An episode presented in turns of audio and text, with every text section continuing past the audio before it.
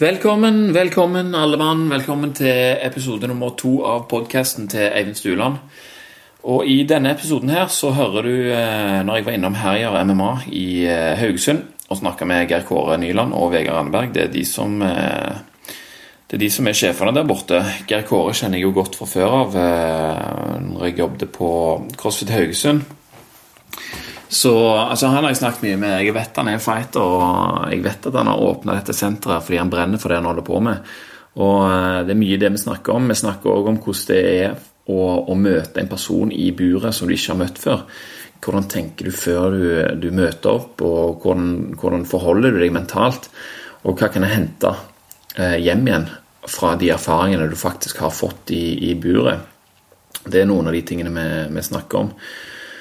Uh, dette her blir neppe det siste ser, vi ser fra, fra, disse to karene. her, De har store planer. Uh, Vegard er jo en av Norges beste i uh, Brasilien jiu-jitsu, brasiliansk jiu-jitsu. Og Geir Kåre er helt på toppen i, i, MMA. Så det blir veldig veldig spennende å se på hva, hva som kommer framover. Og iallfall etter dere har blitt godt kjent med dem i løpet av denne episoden her. Um,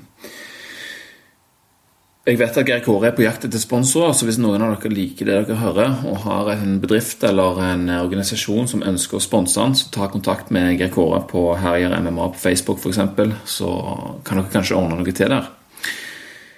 Ellers så presenteres episoden av Vivo Barefoot, og for de som ikke vet hva det er for noe, så er det altså et kongeskomerke som bare får flere og flere gode modeller for hver, eh, hver sesong som går. Det jeg liker spesielt godt med skoene, det er at de er brede i tåboksen, sålene er tynne, og dette gjør da at føttene og tærne dine får beveget seg sånn som de liker. Eh, og det er altfor mange folk rundt omkring som vandrer rundt i sko som er for trange eller for stive. Jeg gjorde det sjøl i mange år. Og du aner ikke hvor mange ubehageligheter og skavanker det kan lage for resten av kroppen hvis du har feil sko. Så hvis du går rundt med vonde føtter, så gå iallfall inn på vivabrands.no, ta en titt på, på skoene der, og eh, og så kan du bruke rabattkoden 'podcasten', så får du 10 avslag på, på hele ordren din. Min, min, personlige favoritt om dagen det er Vivo Barefoot Scott, som er en sånn høst- eller vårsko.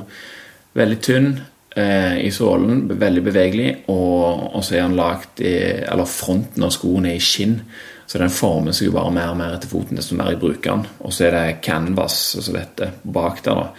Men eh, utrolig fin sko, iallfall. Vanntett igjen òg, så, så den bruker jeg mye. Eh, men det finnes veldig mye å velge mellom, så bare gå bananas der inne. Bruk rabattkoden podcasten, så får du 10% avslag, som jeg sa. I tillegg så er frakten gratis på over 1000 kroner. Så inn der og sjekk ut. Episoden presenteres òg av Pure Pharma, som er det eneste kosttilskuddet som jeg tar på en sånn noenlunde regelmessig basis. Og Grunnen til at jeg velger Pure Pharma, er fordi at jeg kjenner godt til både firmaet og de to som starta det eh, fra begynnelsen av. Du har Julius og Oliver som, som startet dette her for eh, sikkert nå seks år siden. De ble kåret til gasellebedrift i Danmark i fjor, så det er helt tydelig at disse karene her vet hva de holder på med. Eh, de var helt vanlige crossfittere sjøl, men de syntes ikke at de fant gode nok produkter på markedet, og bestemte seg for å lage, lage noe sjøl som de ville bruke. Og Da begynte de med Omega-3, men de har òg nå D-vitamin og ZMA, eller M3 som de kaller det, magnesium, sink og B6. Symbiotisk, som er et eh, probiotisk og prebiotisk tilskudd for, eh, for, magen. Det er jo sånn tarmflora og sånt vet du, så du sikkert har hørt masse snakk om nå den siste tida. Det er veldig, veldig in, om vi kan få bruke et sånt ord. I tillegg så har de PR3, som er et overlegent proteinprodukt i forhold til sånn som jeg kan se det, iallfall. Og Det er fordi at ikke bare er proteiner, men det er òg frysetørre kokosvann som gir deg elektrolytter etter treningen. Og så har de òg eh, kollagen, som er ekstremt viktig for gjenoppbygging av muskelfester og sener og brusk og, og, sånne ting. Det er ofte sånne ting som du ikke tenker på at eh, musklene skal bli sterke, men musklene må jo bli holdt igjen av senefestene. Og hvis de eh, ikke får vokse i takt med musklene, så kan du plutselig eh, få et problem der. Så sjekk ut PR3 der altså, hvis du vil ha et overlegent eh, proteinprodukt. Og eh, Det er en grunn til at dette her er skamdyrt, for å si det sånn. Det er fordi kvaliteten overgår det aller, aller meste. Gå inn på purefarma.com. Der kan du lese alt om alle produktene. Og hvis du ennå lurer på noe der, så kan du sikkert sende en e-post og, få vite det, vite det du lurer på. Her kan du òg bruke rabattkoden podcasten for 10% avslag, så jeg foreslår at du gjør det. Gå inn, kjøp litt forskjellig, prøv det, og se hva du syns. Iallfall hvis du bruker noe annet fra før av. Eh, så det er alltid lurt å sjekke om det er noe bedre du kan bruke pengene dine på, enn eh, noe som ikke virker så godt du skulle håpet. Hvis du har et produkt eller en butikk du kunne tenke deg å markedsføre her på podkasten så send en e-post til eivind.podkasten.no, eivind.podkasten.no, så, så kanskje vi finner ut av noe. Men aller først skal vi iallfall høre på Geir Kåre og Vegard, som eh, holder til på Herjer MMA i Haugesund. Vær så god.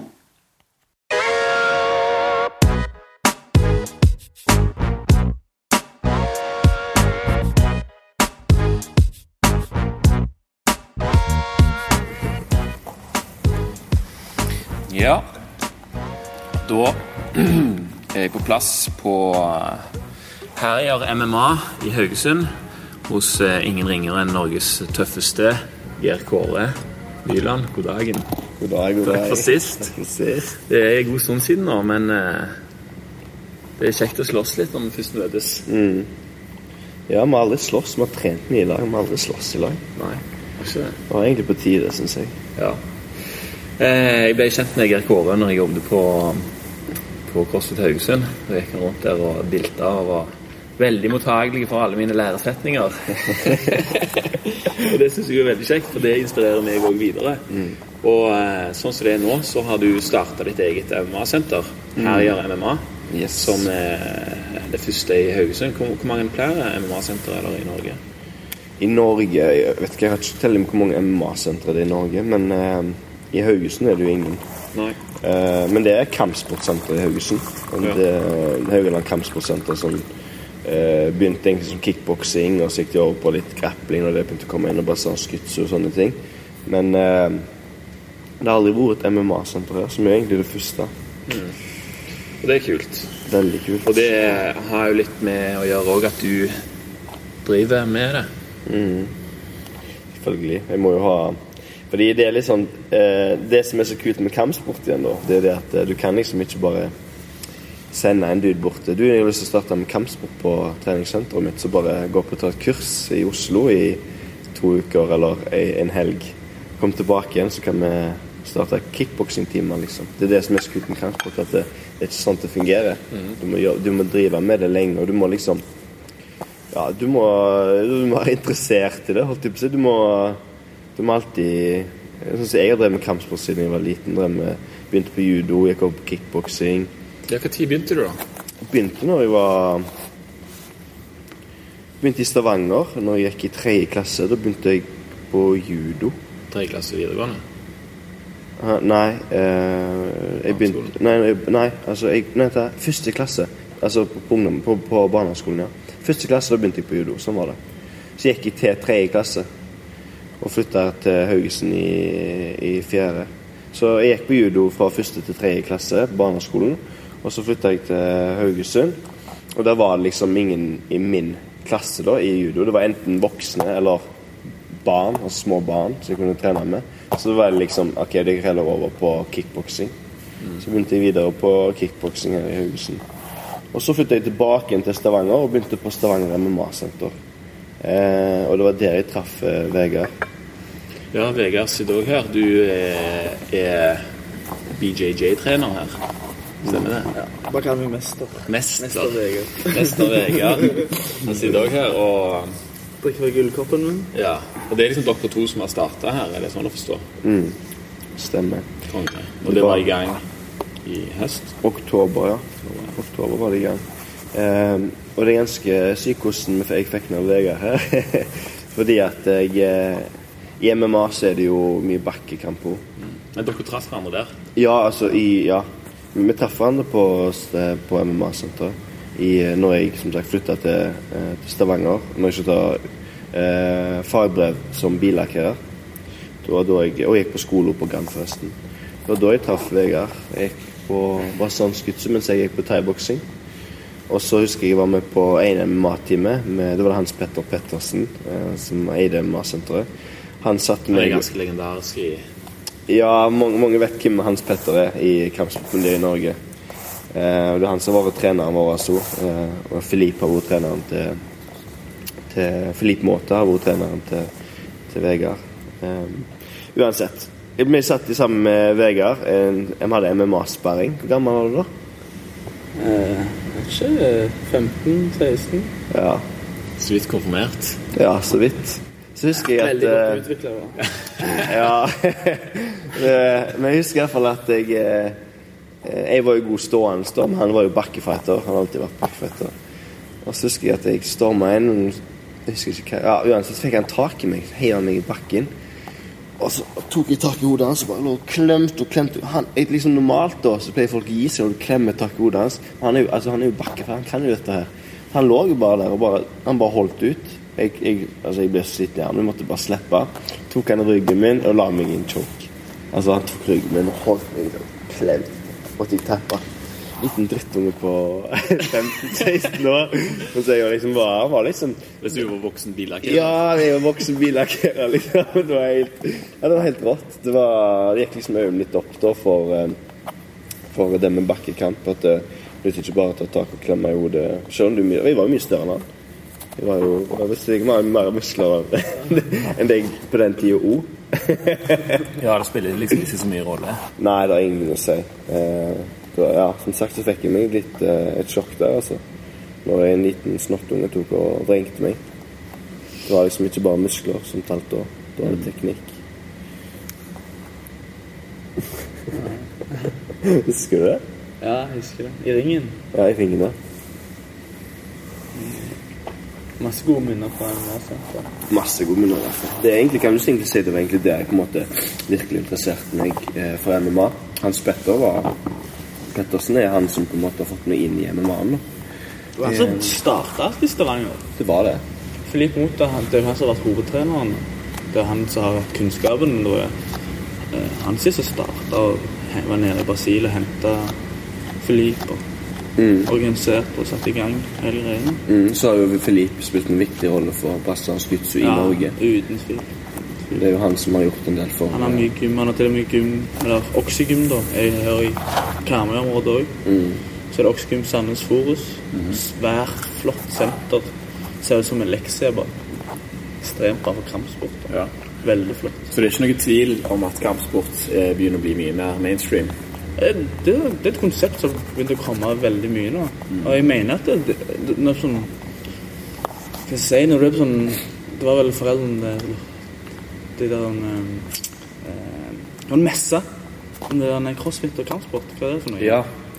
eh, ja, det var jo det. Altså Det var en, en som er høyt oppe i, opp i treningsbransjen, da, som sa at det, det viktige Eller de mest populære tingene nå framover er jo crossfit og MMA.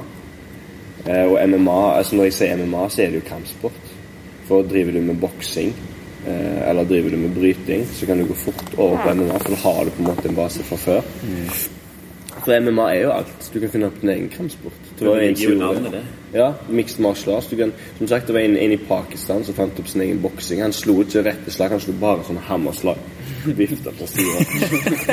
Han, han, han vant et par kamper, liksom, men da han begynte å gå proff, så skjønte han at det funka ikke. Så da stemmer det. Men det er liksom det utvikling i MMA er jo Altså, det er alt. Du må trene alt. Og det som også er kult når du trener boksing, så må du jogge for kondisjon. Da har du eh, bryting, så må du kanskje noen andre svømming. Altså alt. Det er liksom alt. Du kan trene crossfit, du kan trene Det som er populært nå, er jo Movnat og Ido Portal og alt det greiene. Ja, det er liksom Og, og det, det det som er ganske kult òg, fordi dette er ting jeg har trodd på hele veien Ja. på grunn av deg. Altså etter du kom til Haugesund, og når, husker du når du starta CrossFit eller var med og starta CrossFit Haugesund, så eh, den der eh, Det du sa til meg, det der det, det betydde så mye for deg å løfte 200 merkeløft og hvor mye du rykker, eller det, liksom, det er bevegelse som betyr noe. Og det er på en måte det som jeg mener er liksom det der en, eh, En sunn kropp er ikke en som klarer å løfte 200 merkeløft. Det er en som klarer å ha en god bevegelse. sant? Eller kjenner kroppen sin godt. Klarer å stå på nevene. Klarer å ta baklengs salto. Og sant? gå i spagat. eh, Så det Springe i skogen. Springe i skogen. Hver tirsdag sprang i skogen. Sprang ikke du barføtt? Jo, ja, jeg glemte skogen. Og det er så jævlig bra òg. Eh, Ja, da, da hadde jeg lyst til å bare snu. Liksom, Jeg var på vei ja, Jeg gleder meg til disse, treningene, var de kjekkeste treningene. Å springe skau med Øyvind. så Det, var så, ins- det var så inspirerende. Så Hver gang vi sitter og snakker om noe, et eller annet snakke om. Og lange turer. og liksom, Du følte kanskje å være ute i skauen i en time, så kom du tilbake og var ute i tre timer. Og liksom så sa vi hvor langt har vi sprunget, da? Jo, vi har sprunget sju, eller ja, fem-sju kilometer. Altså på tre timer. Men det er noe helt annet i, altså, i skauen. Ja, ja. Beine veien så hadde jo det vært helt Så hadde jo krøpet, da. Skjønner du? Så det var liksom Det var helt fantastisk i skauen. Og den gangen jeg glemte skoene Det var ikke, det var ikke en varm sommerdag heller, det. Nei, det var faen ikke.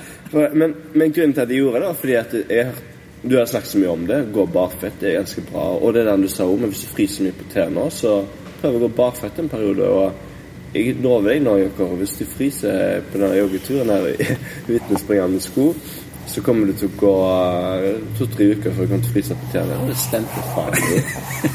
Jeg frøs så jævlig på tærne. jeg Ble helt nummen, vet du. Jeg ble helt nummen. Og så sa de dette, dette får du bare igjen for to-tre uker fram, så kan du ikke fryse på tærne. Men kroppen din jobber så jævlig varmt blod ned til tærne, og liksom jeg ble sånn Ja, faen, kult. Ikke det, Jeg frøs for alle. Og så bare vel på slutten, da. Ja, det gjorde vi. Ja, det gjorde vi nesten alltid. Ja. Så det var jo å hoppe ut dit og være med, være med joggetur i skauen. Det var herlig, altså. Ja. Utfordrende. Ja, det var kjekt. Og det som er litt nice så vet når du er ute i skogen, og sånt, er at du blir litt filosofisk.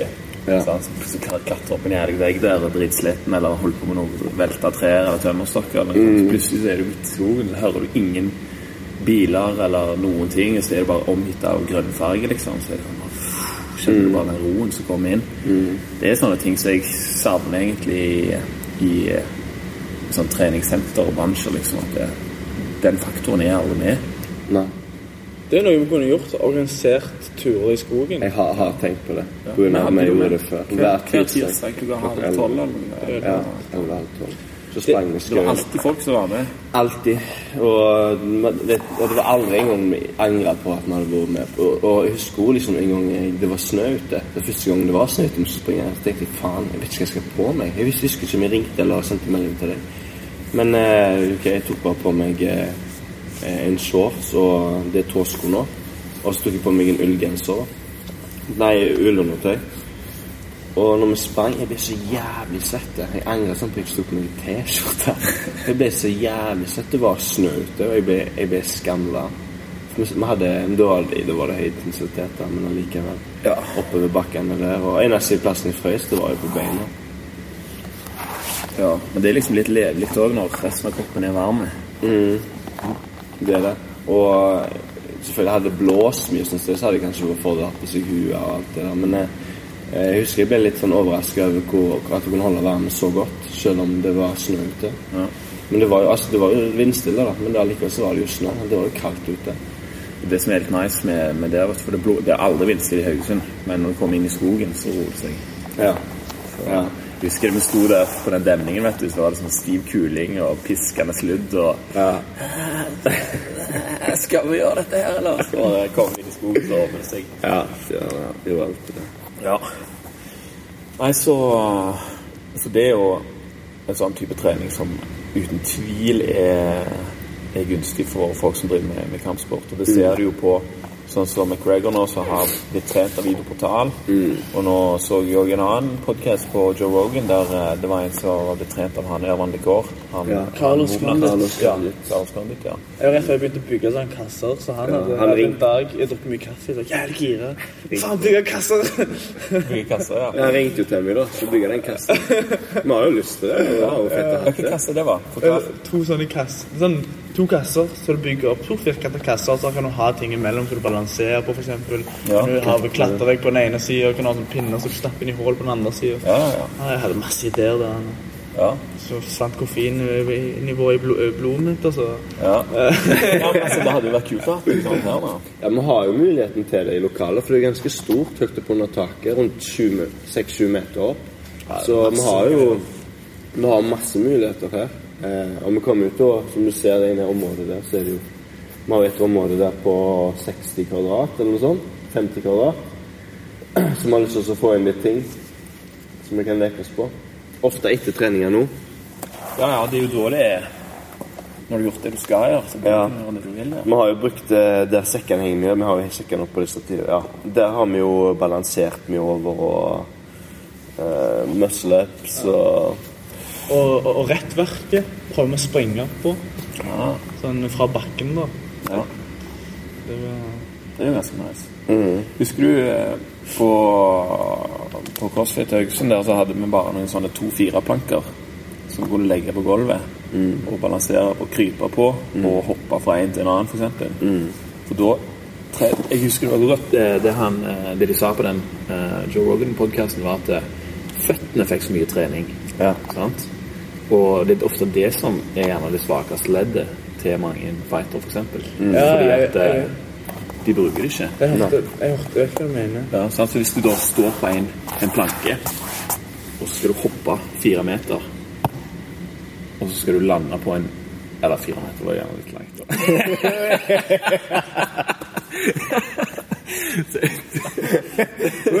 yeah.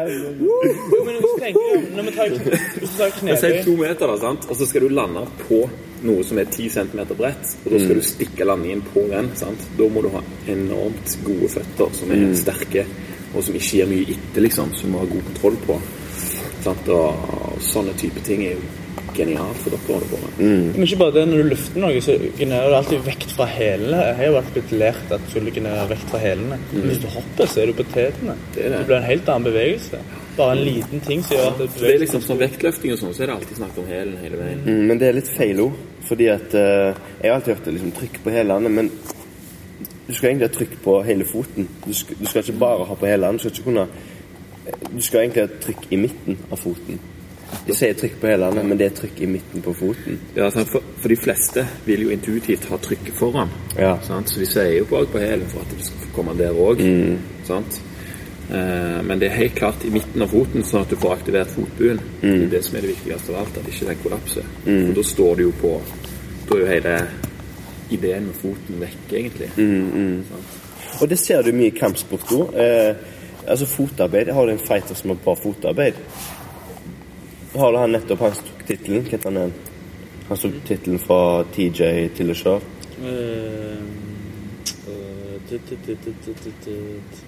Dominic Cruise. Dominic Cruz. Helt sinnssykt fotarbeid på han. Jeg jeg er sikker på det er nøkkelen til at han knuste TJ. Og TJ Tilleshar hadde òg sykt sinnssykt bra fotarbeid. Så jeg, jeg har sinnssykt troen på fotarbeid og det med Uh, de har, ja, det, er- helt rått å se, for de har sinnssykt ba god balanse. De klarer å switche stance. Uh, plutselig har du høyrefoten fram, venstrefoten fram. Men de har liksom ikke en faste stance. Det er veldig vanskelig å lese dem, og det tror jeg veldig på i kampsporten. Og så kommer mer og mer nå enn det det var før.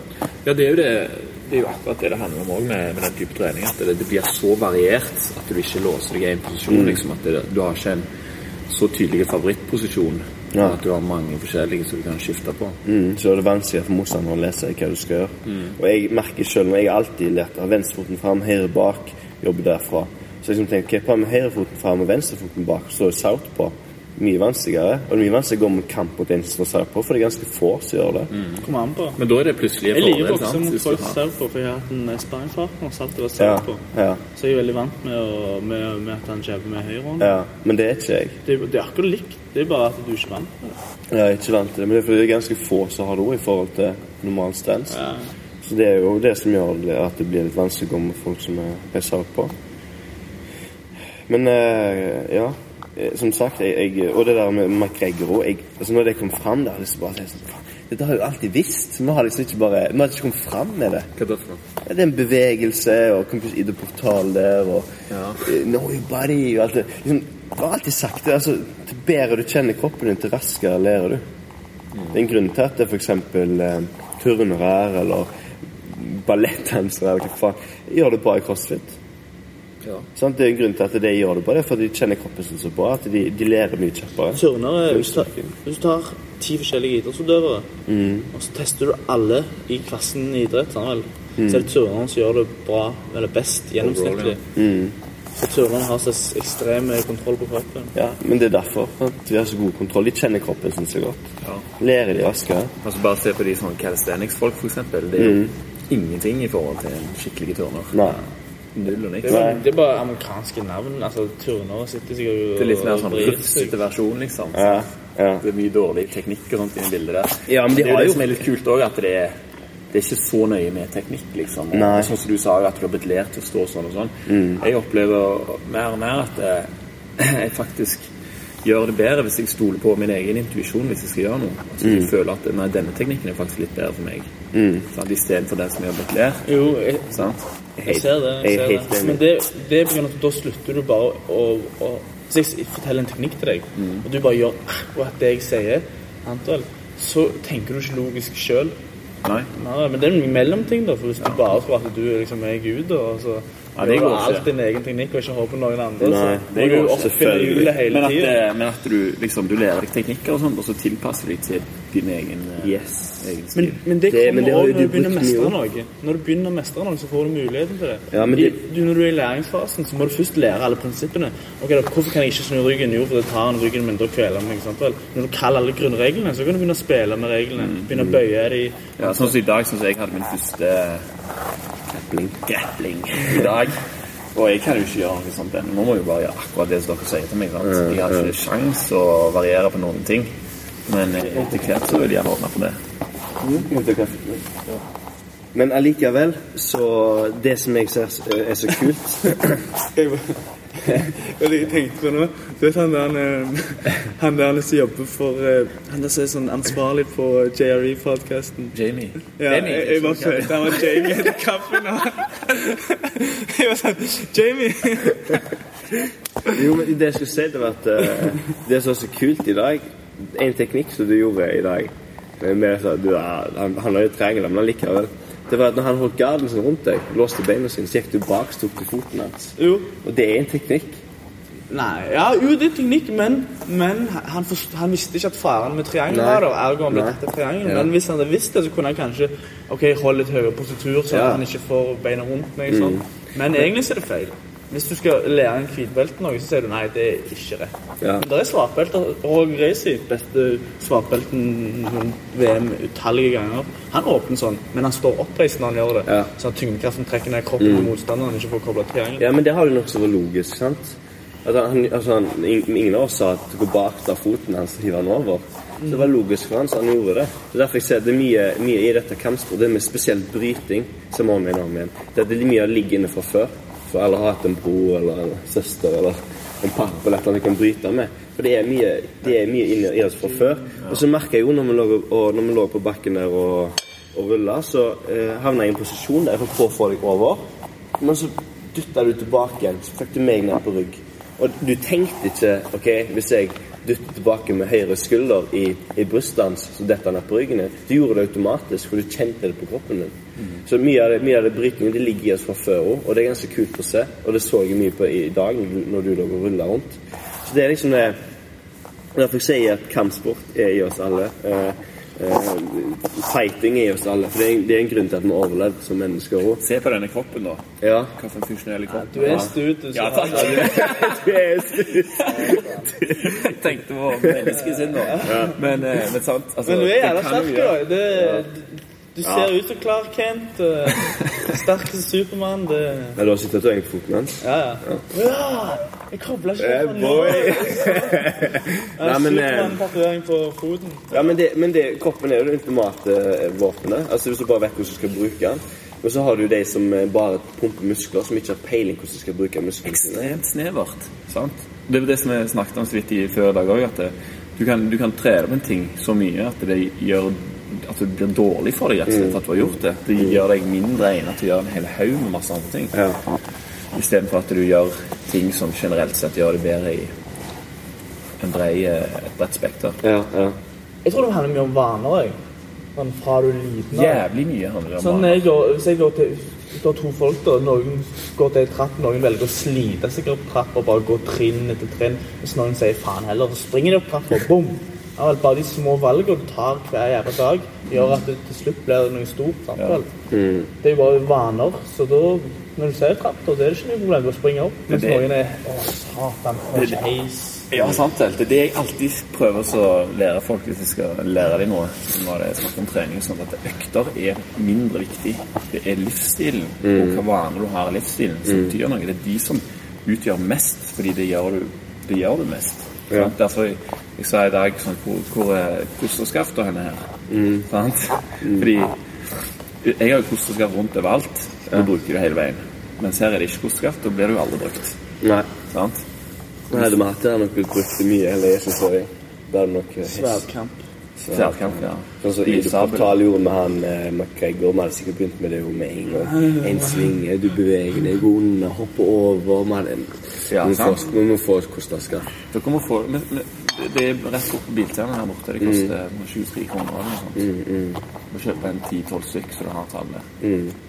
Ja, men det er genialt. Vi har, vi har alltid brukt noe Vi har steiner, da. Har du sett de, Jeg har sett de. Det er sånne Atlas Mm. Ja, vi leker ikke steiner. Jeg kjøpte fire stykker. Dere hiver til hverandre. sant? Betalte de for egen lomme òg. Ja, men jeg må egentlig det blitt brukt mest å balansere på. Ja, det er gøy, det òg. Ja, jævla gøy. Du står på den, og så har vi kappløp hvem som går først fram og tilbake igjen. Først fram går du, og så må du gå baklengs tilbake igjen. Ah, sånn Jeg skrev litt om eh, Altså, koordinasjonen er ikke helt der, da, men GK er ganske flink på det. har god balanse. Jeg er ikke god, men bedre enn deg. Garantert på områder, det. Men én en ting jeg, jeg glemte å si, for jeg, jeg kom på For det dere snakket om det med, det med eh, Du sa du Du må på en måte finne ting ut, ut selv ut fra hvilken kropp du har, eller hvordan du er som person. Og det, det likte jeg at du sa, for jeg husker en gang når, på Stavanger MMA-senter, så hadde vi en trener som het. En fra- Ja, ja, han ja, ja. og han, eh, han var flink, ja, men det jeg ikke likte, det var det at han, han satte oss opp som eh, Vi stilte oss opp eh, på rekker, så skulle vi akkurat det han gjorde. Og jeg hadde jo trent en del kamp, nei, en del eh, thaiboksing tidligere, men så måtte jeg liksom skifte stilen min helt. Men, det, jeg følte ikke når jeg gjorde dette, at han ba meg om å gjøre, så følte jeg ikke det passet meg helt. Ut ifra hvor eksplosiv jeg var, ut ifra stansen min, eh, ut ifra Altså, ja, egentlig alt. Det passet ikke meg, stilen han ville at jeg skulle ha. Eh, og jeg er veldig sånn at eh, alle er for, forskjellige som personer, og sånn er vi forskjellige som fightere òg. Når du kommer inn her som kanskje litt, har små bein Kanskje ikke han er den beste å ta triangelchoke, som du, bruker ta beina rundt hodet og ene armen og, og, og choke. Det Kanskje en som har lengre bein, sånn som deg, Eivind, eh, får den til lettere eh, enn f.eks. en som har korte bein. Og sånt er det, det er det som er så kult med kampsport, fordi da har kanskje han en annen fordel igjen. Ja, ja, en annen ja. submission eller et eller annet som han kan være god på. Men, og det er det jeg mener MMA skiller seg veldig ut fra henne, fordi det passer for alle. Om du er feit, om du er høy, om du er tynn, eller om du Det har ingenting å si, for du kan finne din stil ut ifra Og dine din- fordeler. Og dine fordeler. Men i vektløfting så ser du ofte at det går de samme kroppsfasongene igjen. Eller i styrkeløft. Det nytter ikke å være to meter der og Mahatma Gandhi. sant? Fordi så blir det jo på en måte arbeidslivet mye lenger, og kanskje Ja, OK, du, blir, altså, du, du kan nå langt, men du blir ikke en av de beste ofte. Nei. Og samtidig så er jo vi veldig snever Ja. i- idrett. Ja. Det blir sterk, det er greit nok, Ja. men det er Det- lite allsidig. Ja, ja, fordi, ja, det er det som er så kult med MMA. Ja, for det, det passer for alle. Om du liker å bokse, så kan du fokusere mye på det, ikke bli tatt i bakken. Liker du å være på bakken så Du må kunne alt, du må det, men allikevel kan du kjøre ditt game. Jeg er sikker på Hvis han, første MMA-kampen hans, så er jeg sikker på han kommer til å dra ned i bakken og rive over. Ja, ja, ja, han, altså, for han har vært bokser, eller han er bokser òg, men allikevel så det han er best på, det er jo bakken. Så da gjør bruker han det han er best på i MMA-kampen sin. Hadde jeg vært best til å bokse, hadde jeg holdt det stående, bare stå og bokse driten ut av han. Sant? Så det er liksom eh, Det er det som er så kult med MMA, da. For er du god på noe, så, så kan du bruke det som din advantage. sant? Og det, det, altså, selv om vektløfting er veldig snever, så kan det brukes som en fordel i kampsport òg. Akkurat som jogging og svømming eller hva som helst, egentlig. Det, Så jeg, er- jeg er veldig fan av å bruke Eller ja, bruke mange forskjellige idrettsgrener istedenfor å holde veldig fokusert på med én. Ja, enig. Det er jeg òg det. Og eh, jeg, altså, hva heter det? eh, ja, altså, Variere treningen har jo Det har jo sine fordeler uansett. For hvis du bare har fokus på én ting Men eksempel ta en, en vektløfting. da Det er den mest eksplosive eh, Noe av det mest eksplosive du kan trene. Det er, det er jo vektløfting, det med rykk og støt. Da bruker du 90% av musklene i kroppen. Et eller annet, sånt som det. Eh, og der får du en hofte. Og i, i kampsport så bruker du hofter til alt. Og så så du noen reker som jeg viste Ja, deg. Der er det hofter. I slag så bruker du hofter. Du bruker ikke armen. Du bruker, alt kommer fra hofter. Du, du slenger hofta fram, bam, eh, hiver ut et slag. Et spark er fra hofter. Alt er fra hoftene. Så for eksempel Trener du mye eh, vekt, vektløfting nå, så vil du få sterke hofter som gjør at du vil slå hardere, eller komme deg lettere ut. Fra når du er, ligger under da, på bånn, en ligger oppe og slår, så bruker du hoftene dine bom til å og komme deg ut i reker, f.eks. Ja. Så du vil alltid ha en fordel med det. Altså, altså jogger du, kondisjon, eh, styrker kroppen. Eh, så det er liksom, det er derfor jeg sier MMA. Det, du, du blir aldri lei, for det er alltid noe du kan trene. Mens f.eks. hvis jeg bare skal eh, drive med ja, løping så er det ikke så ofte altså, Det er ikke så mange ting du kan dra inn der for en fordel av i løpinga som i MMA. Der vil du alltid finne en fordel, mener jeg. Så gå dypt inn i det, så finner du sikkert mye der òg. Ja, du gjør nok det, men det det er mye mer sånn i, i, Jeg skjønner godt hva du mener, at her kan du liksom ta hva som helst og gjøre det til en styrke innen Ja. I, i maratonløp så tviler jeg på at en maratonløper trener vektløfting, f.eks. Han kan gjøre det, ja. Jeg husker han Vebjørn Rodal, han, eh, han trente. Han var vel ikke maraton da, men han så jo liksom sånn jækla tynn og hengslete ut. Ja, Men han pumpa jern. jeg gjorde det. Ja, jeg husker jeg leste overskriften, så klikket jeg på bildet, så jo bare sånn knøttsmå vekter. Men har du ikke den der sinnssyke komperen fra Bergen? Han som har sånn one finger eh, Ja, ja. En finger pullups. Ja, ja. Kroppsøvninger. Ja. Norsk alt. ja han var Norsk. Han, var like ikke når vi sier jeg, han ville ha norsk. Ja, ja, jeg er enig i det. Ja, men det er fordi vi hører så mye på podkaster sånn sjøl, sant? og det blir liksom sånn du Ja. Du, du tar mener radiosamtaler. Samtaler tatt opp på bånd som er spredd på verdensveven. Ja. Og det blir bare engelsk. Ja, men av og til, av og til sånn, når du har hørt noe på engelsk, så, så blir det vanskelig å finne det norske ordet for det. liksom. Ja. så, Og folk skjønner jo hva du mener. Men jeg er med på den tanken. altså. Ja. Prøver så liksom. Det skjedde når jeg, når jeg jobbet som, eh, som elektriker på bygg. Så vi mye sånn ensidig, ensidig arbeid. Sånn, så det var sånn, I dag skal du stripse denne kabelen fra punkt A til B, og så skal du gjøre det med alle de. Ja, og, og jeg likte det, for da kunne jeg ta på podkasten min. Ja, ja, ja, ja, ja. radiosamtalen min. Ja, ja, ja. Men- og så, så hørte jeg, jeg hørte tre, tre sånne på en dag, kanskje. Alvar, bare skal jeg skrive ned notatboka mi, og så skal alltid skulle, skulle hjem og google. Men- og så tenkte jeg faen på engelsk til slutt. Jeg å tenke sånn Yeah, if you uh, Ja, men sånn er det. Og så bare strips over here. Jeg begynte å tenke mer, mer sånn vanskelig engelsk, for det var veldig sånn intelligente mennesker som var der. Så jeg Ja, ja, sånn, ord som jeg egentlig ikke visste hva var, men underbevisstheten min har så mange at jeg begynte å bruke det. Sånn, det constructive uh, structure of the, ja, the mind. Bare, oh, faen. Men, men bare, bare, bare får jeg dette her. Du står i hjørnet mitt, jeg går en matkamp. Og så sier du 'holde stående hungemengde'. Skal vi det? Hungemengde er boksing. Hungemengde. Men hongemeng er vel mer sånn Du har Hongemeng. vært i et hongemeng, liksom. Hold det Vært i en stående, krangel. slå. Ja. ja, eller Hør på det der. Eller, eller, eller Jeg er bare, jeg er bare ikke Eller eh, Vennen over ende, er det det? Istedenfor takedown! Vennen over ende! Nedtagning, din tosk. Ja, men Det er ikke lurt på. Jo, hva er det gjort på? Vet du hva, innbrudd i fødeheimene? Nei. Voldtekt. Nei! Det er sånn Nei, nei, det Det, det er sånn tullete sånn rødkilevipp Ja, ja, ja. språk. Verds, verdensveven. Men internett heter faktisk verdensveven. På Ja, men det, det kan jeg gjerne skjønne. Ja, det er nice. Verdensveven. verdensveven. Verdensveven. Web, sant? Nett. Ja, verd. En vev. Å ja, verdensveven. Internett. Det var Ivar Aasen som kom på det. Ivar Aasen, altså. Fy faen for en mann. Han er stud. Det der, nei, faen ja. Jeg mener, ikke bare ta seg gå rundt i hele Norge og finne ut hvordan alle sier ting, og så lage et nytt språk. Ja. Det gjorde han.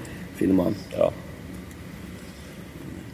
Nei, men eh, Sånn ellers, da, Geir Kåre. Du sa du skulle gå kamp snart. 20. februar. 20. februar, ja. Hvordan har eh, egentlig reisen vært fram til nå? Hva, hva har du gjort før? Jeg Hvordan begynte det med det? å gå kamper, tenker Ja. du på? Eh, egentlig så var det sånn Jeg har alltid hatt lyst til å gå en MMA-kamp. Eh, eh, jeg tror jeg begynte, jeg begynte faktisk å gå MMA-kamp når jeg flytta hjem til Haugesund igjen. Jeg gikk jo Som sagt, jeg trente mye på, i Stavanger og sånn som det, men jeg trente ikke så mye bakkekamp i Stavanger. Jeg fikk så mye ansvar for å være være hovedtrener i thaiboksing og brukte så mye tid på det. da Men for å drive med MMA så må du jo ha alt. Så når jeg kom hjem til Haugesund igjen, så begynte jeg å trene på Åkra. Eh, mye bakkekamp. Ehm, og da eh, tenkte jeg kunne bare hoppe i Reise til Danmark i går. men meldte meg på. Og jeg grua meg så jævlig. Fordi jeg hadde ingen som var med meg. Jeg, hadde, jeg tok med meg eh, Det er skummelt. Eller? Hvem var det jeg tok med meg første kampen min? Jeg tok, jo, jeg tok med meg Lotte og Kristoffer. Altså lillebror min. Nei, det var andre kampen min. Så jeg hadde ingen coacher med meg. eller noe sånt. Jeg hadde bare så jævlig lyst til å gå kamp. Få den erfaringen, liksom. Bare få erfaringene. Og så Han første husker jeg veldig godt. Han første jeg går mot han var eh, Jeg husker ikke noe som skremte meg med det, men han var liksom svart belte i taekwondo, svart belte i karate, og hadde en sånn der en eh, høy grad i krav maga og noen greier. Og hadde gått en del grapplingkamper da for Ja. Så jeg sånn Faen, jeg har trent Jeg har trent gi, altså med, med drakt, da, i tre eller fire måneder. Jeg hadde jo trent litt i Stavanger tidligere, men allikevel aldri liksom hatt eh, eh, jevnlig trening med, med bakkekamp. Så faen, altså. Ja, jeg gruer meg litt da, til å møte han der. Altså, tidligere selvfølgelig så var han jo eh, kineser, sant? så så får de den Bruce Lee-filmen. Og så liksom og så kom- mentalt, altså. Ja, ja, ja. Men også liksom rett før jeg reiste, så fant jeg ut at han hadde et eget MMA-senter. Og tenkte faen, han liksom skal møte Bruce Lee første kamp. Det er jo jævla drit. Og så i tillegg til at jeg hadde ikke trena, så begynte unnskyldningene å komme. Faen, jeg liksom Faen, ok, jeg dreit i det. Jeg reiser ned, får lov å få bank. Så har jeg mange gode unnskyldninger hvorfor jeg fikk bank. Men allerede der så begynte jeg å jobbe med en ting som jeg jobber med ennå, og det er unnskyldninger. Så Ja. jeg ikke har noen unnskyldninger. Fordi jeg har ingen unnskyldninger egentlig, men jeg har lyst til å ha unnskyldninger til ikke å gå kampen. Eh, for jeg var pissredd. Jeg kunne ikke sitte og si, og si ok, jeg er nå tøffeste, det ja. Men helvete, jeg var redd. Og så står jeg der, varmer opp, ser han der en japaneren, eller japsen, kine- ja, et eller annet. Og Uansett, Utlending. Utlending. Men så, ja, kom han bort og hilste på meg, da. Eh, lykke til med kampen. Eh, skikkelig sånn sånn dans. Det passer ikke meg inn, så får vi at han skal komme med et eller annet. Ja, Men, eh, men eh, liksom Ja, skal du til det? ja, ja. ja var le- Uansett. Så eh, fant jeg ut da at han var eh, 32 år òg. Og da tenkte jeg Kom jeg inn til unnskyldning Faen, han har trent faen så mange år. Så jeg trent siden han var fem år. Han piska og sant, og Skjønner du? Så for meg alt dette her. Alt bak disiplinen hans. Han var robot, han. Så jeg gikk inn der med Sto der på veien inn, så tenkte jeg Hva faen er det jeg holder på med? Jeg er i Danmark alene med dama mi. Som har sittet jeg har ikke peiling hva hun skal si hvis jeg har en posisjon. Og lille- lillebror min som bare sa Han spurte øh, For han var enda mer stressa enn meg. Eh, Hva skal jeg si øh, hvis du Bare eh, Kom igjen. Bare kom igjen. Eh, Så sa, sa jeg for løye, da. Ta han. Med den der du? Ta han Ta hans familie, for man kødder mye med veien sånn Lars og turken fra Sverige. Sånn. Ta han, ta hans familie. Etternevnte han. Humor hjelper litt å roe nervene. Men jeg, jeg, jeg husker ikke Jeg husker ikke Jeg hadde så mye adrenalin, og jeg var så, jeg var så redd. Men det som var så kult, eh, det var når jeg gikk inn i buret, og de låste igjen, og han kom inn, så forsvant mye av det. Altså mye av det der Og jeg kødder ikke. Det, det, ja, det var helt Det var helt det var helt fantastisk. Jeg klarer ikke å beskrive det. Men mye av det, det, mye av det rundt det forsvant, for nå var, nå var jeg i buret. Altså, nå måtte jeg prestere. Jeg hadde unnskyldninger forsvant, for nå skulle jeg, nå skulle jeg fighte mot han Bruce Lee. Og han sto på andre sida, og jeg så i øynene hans med en gang. Han var faen så stressa. Åh, Han var så stressa. Og så tenkte jeg, hvis han er stressa, som har drevet med dette siden han var fem år altså aldri, Det er fantasien i hunden mitt. Og jeg har liksom trent eh, Begynt med unnskyldninger for meg sjøl og liksom for å på en måte hype meg sjøl litt opp. Jeg har drevet med dette i ikke et år. MMA jeg drevet med et år. Jeg drevet med kampsport, men MMA et år. Ja, faen, nå skal vi vise han, liksom. Kjørte på, fikk tak i han. Jeg kjente jeg var så mye sterkere enn han. Jeg trente mye crossfit. Jeg følte jeg hadde en fordel der, altså. Fitness, som han eh, Vegard alltid plager meg med. Du må trene med kampsport, ikke fitness! så eh, ja, når jeg fikk tak i han, så bare tenkte jeg er kampen min. Jeg. Men allikevel, selvfølgelig, så jeg, det var jo så verre ut eh, Eller det så bedre ut enn jeg trodde, men selvfølgelig, jeg måtte jobbe med mye. Når jeg så filmen, så faen, jeg har mye å jobbe med. Men likevel så følte jeg meg aldri skikkelig fare. Så jeg eh, nå holdt det stående, så han var livredd, for jeg slo hardt. Jeg begynte å bli cocky, slippe garden. Eh, Så ut som en kødd, egentlig, når jeg sto der. Folk lo litt av meg, husker jeg. Eh, Hvorfor det, da? Hvorfor- Nei, fordi jeg var sikkert litt for cocky. Sto til slapp garden og sto på andre ikke slå. Du var litt sånn entertainer? Ja, egentlig. Eh, og så husker jeg det var noen norsko der som vi opp til et eller «Ja, gå, kom igjen! Så har jeg aldri sett dem før. Og jeg er jævlig kvitt noen norske også, ja. på. Men eh, jeg havna på topp, og ground and pound satt, lå i mount, altså satt oppå magen hans, slo, slo, slo. Han begynte å lage sånne lyder at han, ble, at han var redd. Og da jeg følte meg så sinnssykt sterk. Og jeg, ja, så kom de inn og stoppet kampen. da. Så vant de på TKO, første kampen. Så kom jeg ikke ut derfra, bare jeg forsto ikke helt hva som hadde skjedd. Og så kom alle endorfinene, og jeg var stolt av meg sjøl. Og jeg var stolt av at damen min var stolt, og lillebroren min var han, Jeg tror han var mest fornøyd av oss, han var så stressa. Ja. Så han liksom gitt meg klem flere ganger, og jeg borttakte for kampen og alt det. og det var helt fantastisk. Så var jeg faktisk blitt. Jeg var helt eh, Det var en rus, rett og slett. Det var helt fantastisk. Jeg klarer ikke å beskrive det. Det det er Det ble en rus. Og Jeg ble avhengig. Et- eh, Når jeg kom hjem, så tenkte jeg jeg har lyst til å igjen nå. Eh, og så kom andre kampen. Møtte en bryter. Holdt meg nede hele kampen. Eh, jeg vant på poeng. Jeg var veldig irritert. Eh, for jeg følte når jeg gikk ut av buret, så var jeg ikke sliten, så jeg kunne gjort mer. Jeg gikk hjem og jobba med det jeg trodde jeg var dårlig på. Eller jeg visste jeg var dårlig på. Og så gikk jeg inn til kamp igjen, og jeg vet at alle som ser, søkte på navnet mitt på YouTube, Geir Kåre, MMA, kom opp masse thaiboksingkamper. Så alle tenker 'få ned i bakken', for han har ikke peiling hva han holder på med. Og det ropte de fra hjørnet på tredjekampen min nå. Eh, 'Hold han ned, han har ikke peiling hva han holder på med'. Og da husker jeg ropte tilbake igjen 'Gjør jeg faen meg vel?' Fordi at eh, jeg avslutta kampen på bakken. Eh, så egentlig alle kampene har jeg avslutta på bakken. Så det er jeg glad for, for da kan jeg på en måte Hvis jeg søker opp kampene mine nå, så ser jeg at jeg kan litt bakkeord. Men det er likevel det, det som er svakheten min da i MMA. Eh, Han som, som du så i dag, han vrenger meg jo som i filla når jeg ligger på bakken. Men det er jo altså, Vegard har jo et nivå som er Vegard er jo en av de beste i Norge i, i grappling, eh. Så Men allikevel så, så må jeg jobbe mye på bakke. Eh, og under EM eh, Når var det? det var nett Det var i november. Eh, det var tøft. Det var veldig tøft. Det var England, det. Det var England, ja. Ehm, Birmingham.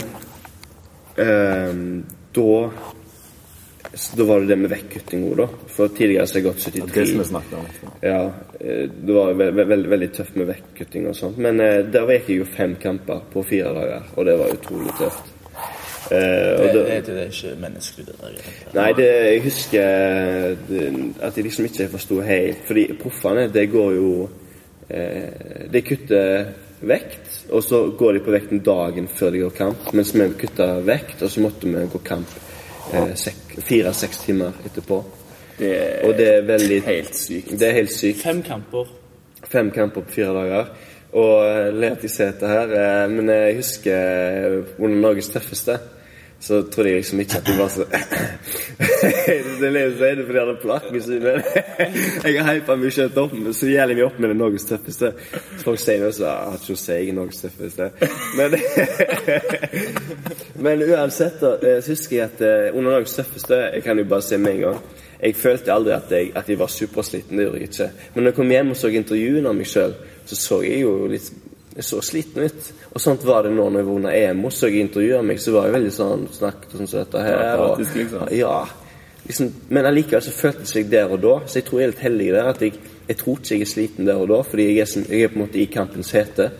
Så jeg blir liksom ikke jeg, jeg tror ikke jeg er sliten, men så er jeg egentlig det. For når jeg kom hjem igjen, så tok Du det jo jo fokusert, vet du. jævlig fokusert. Det er Jeg er så heldig der, altså, for jeg så og det, også, Men selvfølgelig har jeg unnskyldninger sånt. Jo, jeg jobber alltid med unnskyldninger. Skader og faen, vondt i foten. Og, det har ingenting å si. Unnskyldninger må du jobbe mye med. Så.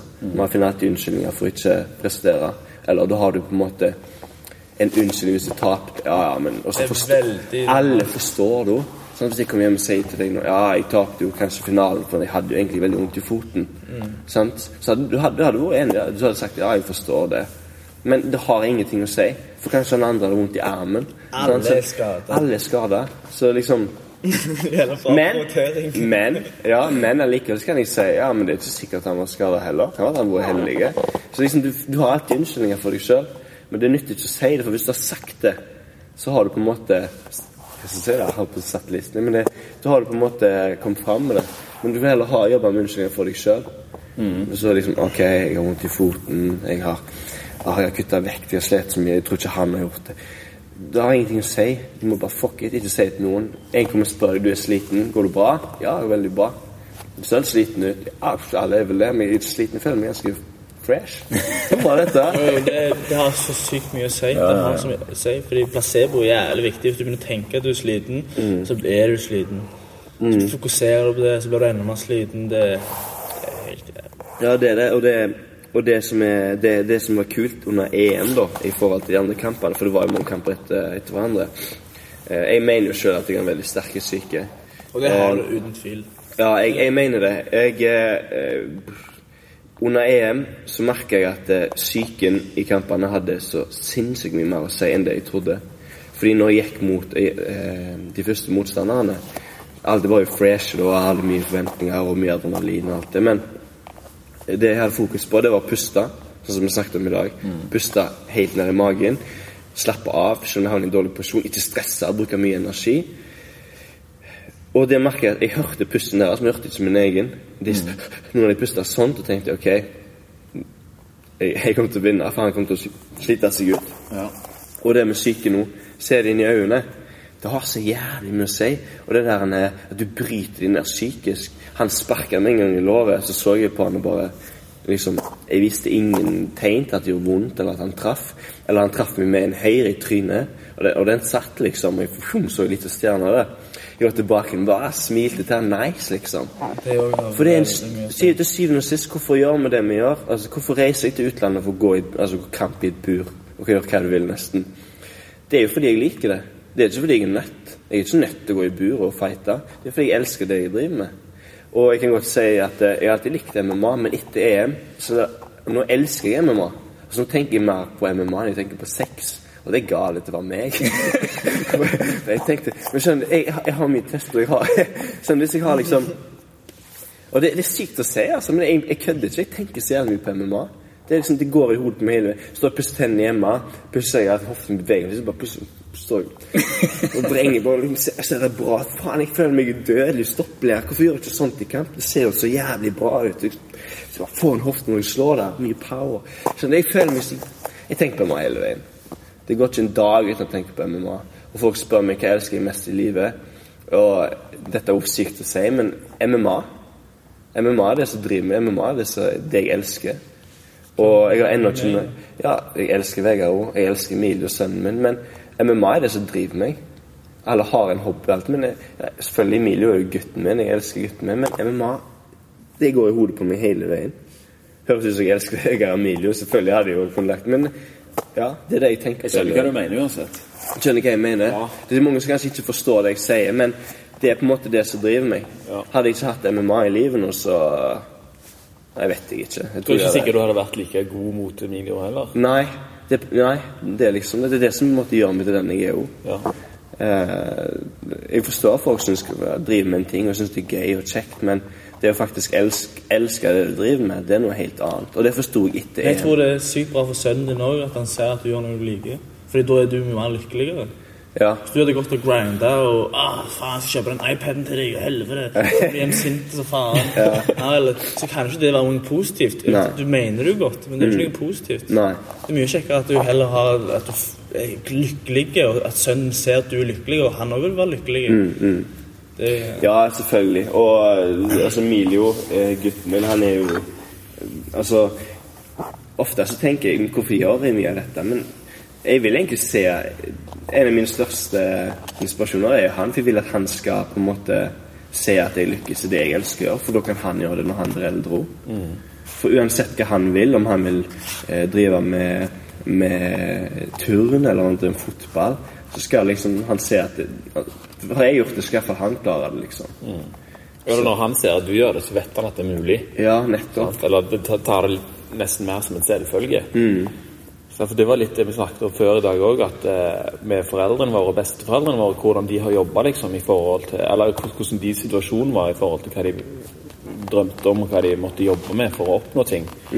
Det er noe helt annet hva det er nå, for nå er det et samfunn der vi faktisk nesten ikke er nødt til å gjøre noen ting. Nei. Sant? Rent og lav, og masse penger og massevis av jobber og alt mulig. Ikke i da, men det, det. men sant, så, så nå er det liksom en helt annen type greier, liksom. Og det må vi jo tilpasse oss. Men det er det som er litt vanskelig for de, andre generasjonene å forstå. At vi faktisk kan gjøre disse tingene her. Men det er jo det de har jobba for. For at vi skal kunne gjøre Ja, for det litt mer sånne ting som vi, som vi vil. Så at du elsker MMA, og du har et eget MMA-senter. Sant? Jeg har, jeg har nådd eh, altså Drømmen er å kunne leve av det, men hvordan leve av det? Er det leve av senter, eller er det som fighter? Og Jeg vil jo bare se meg jeg skal bli proff. Jeg lever bare én gang, så jeg må bli proff. Jeg vet ikke om jeg må, måtte ofre mye. Eh, men jeg, eh, hvis jeg ikke gjør det, skal man tenke tilbake når jeg blir eldre og tenke "Ah, hvorfor prøvde jeg ikke, hvorfor gjorde jeg det ikke? Og nå har jeg alt jeg trenger. Nå har jeg et senter. Jeg har en sinnssykt god trener. Eh, som er liksom han, han, Det jeg mangler, det, det har han. Så jeg kan også synes sinnssykt langt, men jeg vet at jeg må ofre mye. Og jeg merker òg, altså til tida går nå, til mer jeg på en måte blir oppsøkt av dette med MMA, så merker jeg at jeg må ofre mer òg. Eh, og det, ja, det kan være tøft. Det, ofte kan det òg være en dårlig samvittighet eller litt sånn for familie, men eh, jeg må gjøre det, altså. Det, det går litt på sånn eh, at uh en en kan jo prøve å rettferdiggjøre sånne ting òg.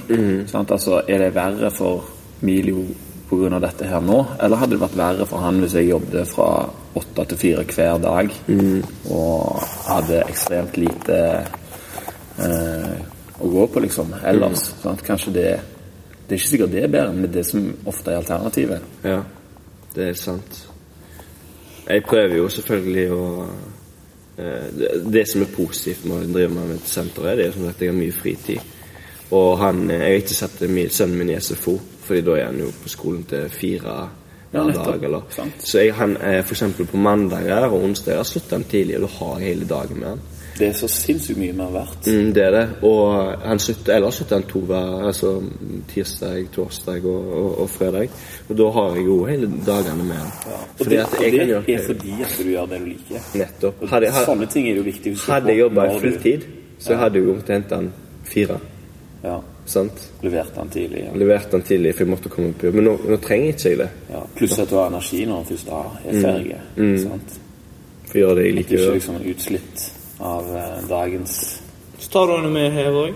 Det er masse andre unger òg. Mm. Leker de springer på mattene, og hopper over er hinder og balanserer på baller. Og Mm. De koser seg. Ja, de gjør det. Og vi har jo fått et lite sånn det er jo, nå har vi jo Det er jo ikke barnetrening her på Herøya, men allikevel så har foreldre lov til å ta med ungene sine og ha de med. Men de har eget ansvar for ungene. Så hvis ungene springer rundt, stikker av eller tar noen utstyr og hiver rundt på det, ikke og forstyrrer timen, da, så er det foreldrenes ansvar enten å ta ungene hjem eller også roe de ned. Eh, så vi har jo sånn herjer MMA-foreldre. Du er ikke med på den chatten, for du er ikke unge ennå, Vegard. Så det, det skriver vi liksom På gang. Så det, der skriver vi det. Jeg tar med Emilie på trening i dag. Noen andre så ja, ja, jeg tar med han på boksing. Så jeg er ofte litt med på oppvarming. Eller så springer de rundt ved siden av og klatrer i tau eller et eller annet. Så det, det, det er liksom det Vi har jo ikke barnepass her, men det Det er litt annerledes å være med pappa på jobb når det Ja, er sånn ja, sant. enn hvis det hadde vært på kontoret. Ja, så det Nei, nå, som vi snakker om det, og jeg tenker på det, så er jeg egentlig jævla heldig. Jeg er sinnssykt heldig som har fått til dette. Ja. Og eh, jeg kan jo Altså, hadde det ikke vært for Vegard heller, så hadde ikke jeg klart dette. Ja. Først hadde jeg jo lyst til å så gjøre alt dette sjøl, men da hadde jeg ikke hatt så mye fritid heller, egentlig. Ja, nettopp. Men sant, på, en, på en måte så er du ikke heldig heller. For dette har jo du lagt opp til i eh, flere år, egentlig. Ja. Sant? Ja. Og det er det som er litt vanskelig for folk å forstå av og til. at eh, Hvordan kan du ha det sånn nå? liksom? Nei, det er fordi at jeg faktisk har jobba med det i flere år. Jeg tenker sånn med mitt liv hvordan jeg har det nå, at mm. liksom, dette her er for godt til å være sant. Hvorfor er det ingen andre som gjør dette her? liksom? Det er jo helt latterlig. Klyp meg sjøl i armen. Men det er jo faktisk jeg sjøl som har lagt til rette for å, å ha det sånn. Ja, men har du noen gang tenkt hvorfor gjorde du ikke dette før? Uh, ja Nei, egentlig ikke. Fordi at det har kommet Altså, De kommer jo liksom med livserfaring og sånt, eller de tingene du holder på med, så plutselig så forstår du noe på en helt annen måte, og så kan du liksom velge å, å gå den ene eller den andre retningen. Sant? Altså, Jeg så en jæklig kule tegning i det på, på Facebook. Er dere på Facebook, dere? Anlete Uchi. Men uansett, det var sånn en gjeng folk, sant. Og så, og så kom de til ei bu der det sto 'The easy way' og 'The right way'. Ja. Sant? Så så du 'The way', de bare Ja. fossa utfor kanten sant? Eh, som lemen. Mens de hard way de gikk liksom langt der og leste i bøker og liksom prøvde å liksom finne ut av dette her. Sant? Og det er den The road less traveled, som det heter. No, ja, fordi jeg, jeg sett den er på den veien der, Jeg den så, så ordner ting seg sjøl, på en måte. Ja. Brikkene faller liksom litt på plass, noe så klisjéaktig som det. Rett etter jeg har sett den tegningen dette er egentlig Jeg kom på flyplassen, eh, sett den tegningen på Facebook, og så eh, var det rulletrapper opp, da. Ja. alle var helt fullt. Og så gikk jeg på trappa ved siden av. Så tenkte jeg bare det, ja, Går det isvei, da? For jeg er for ikke så.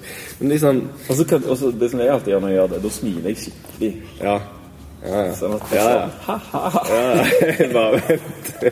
Hadde alle gått trappene, hadde du gått rundtrapp på. Ja, Eller tok jeg handstand i rulletrappa. Jeg jogger baklengs opp mot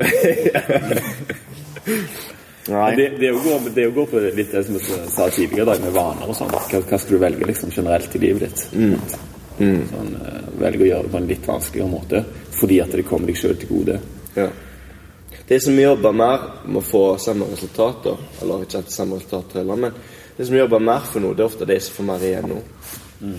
Men hvis du skal si for den, eh, Dette tenkte jeg faktisk på når, når vi snakket i går. Eh, jeg tenkte hva vi skal snakke om, og så videre og så videre. Og tenkte på eh, Og dette kommer vi til å være enige nå, men la oss si meg og Vegard skal løpe maraton. Jeg har trent Ok, eh, Vegard mangler en fot. Han har sånn der en eh, robotfot. Eller hva heter det for noe? Hva heter det? Det heter sikkert robot. Ja, robotfot. Protese. Protese. Og maratonløpet, da. Begge to løper, og begge fullfører. Hvem er du mer imponert over? Selvfølgelig han som altså bare har én fot. Ja. Han måtte slite seg Vi har gjort det samme, men han måtte slite seg mer gjennom det. Det er mer imponerende. Og sånn er det egentlig i, i livet òg, tenker jeg. Det, altså, eh, nå, nå vil jeg bruke meg selv som eksempel, for jeg er så stolt av meg sjøl.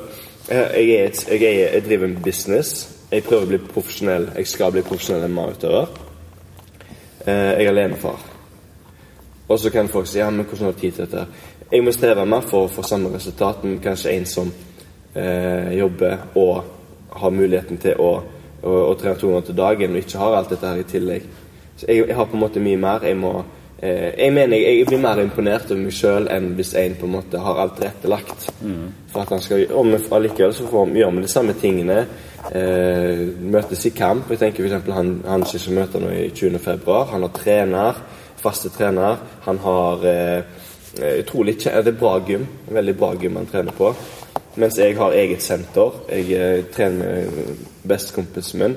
Eh, jeg har ikke fast MMA-trener. Jeg har, jeg har Vegard, som er brasiliansk skuddtrener. Eh, jeg må gjøre mye av dette her sjøl. Så vil jeg påstå jeg må jobbe hardere for det enn det han må.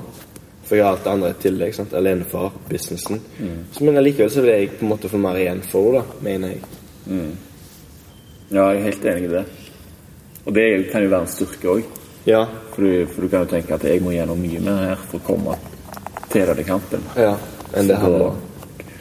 Da kan jo på en måte bety mer for deg òg enn for han gjør. Mm. Det er det jeg mener. Og så eh, Dette jeg snakket med mor i når jeg gikk på Når jeg begynte på brasiliansk jiu-jitsu, og så går min første kamp i Sverige. Da trente jeg i tre måneder. Jeg fikk trent to ganger i uka, jeg. Eh, brasiliansk jiu-jitsu. Og- Hæ? Det husker jeg da var jeg unge. Ja. Eh, og da var det sånn at jeg eh, Noen sa at det kanskje ikke var så Jeg husker ikke hvem som sa det, men jeg trener to ganger til dagen, eller jeg trener hver dag. Men det jeg husker veldig godt, det var at når jeg kom på trening, så var jeg sinnssykt fokusert. For jeg, jeg gleda meg til å trene på Åkra. Eh, brasiliansk. Fordi jeg hadde bare muligheten to ganger i uka. Eh, og det var ofte på kvelden. Eh, så de treningene jeg eh, var på, de presterte jeg veldig bra på, og fikk mye igjen for. Men så hadde jeg gått 200 til dagen hver dag, så hadde jeg kanskje ikke fått så mye igjen for de treningene, fordi at eh, ah, Ja, jeg skal jo trene i morgen, eller trene senere. Og du har ikke, ikke samme fokus på trening.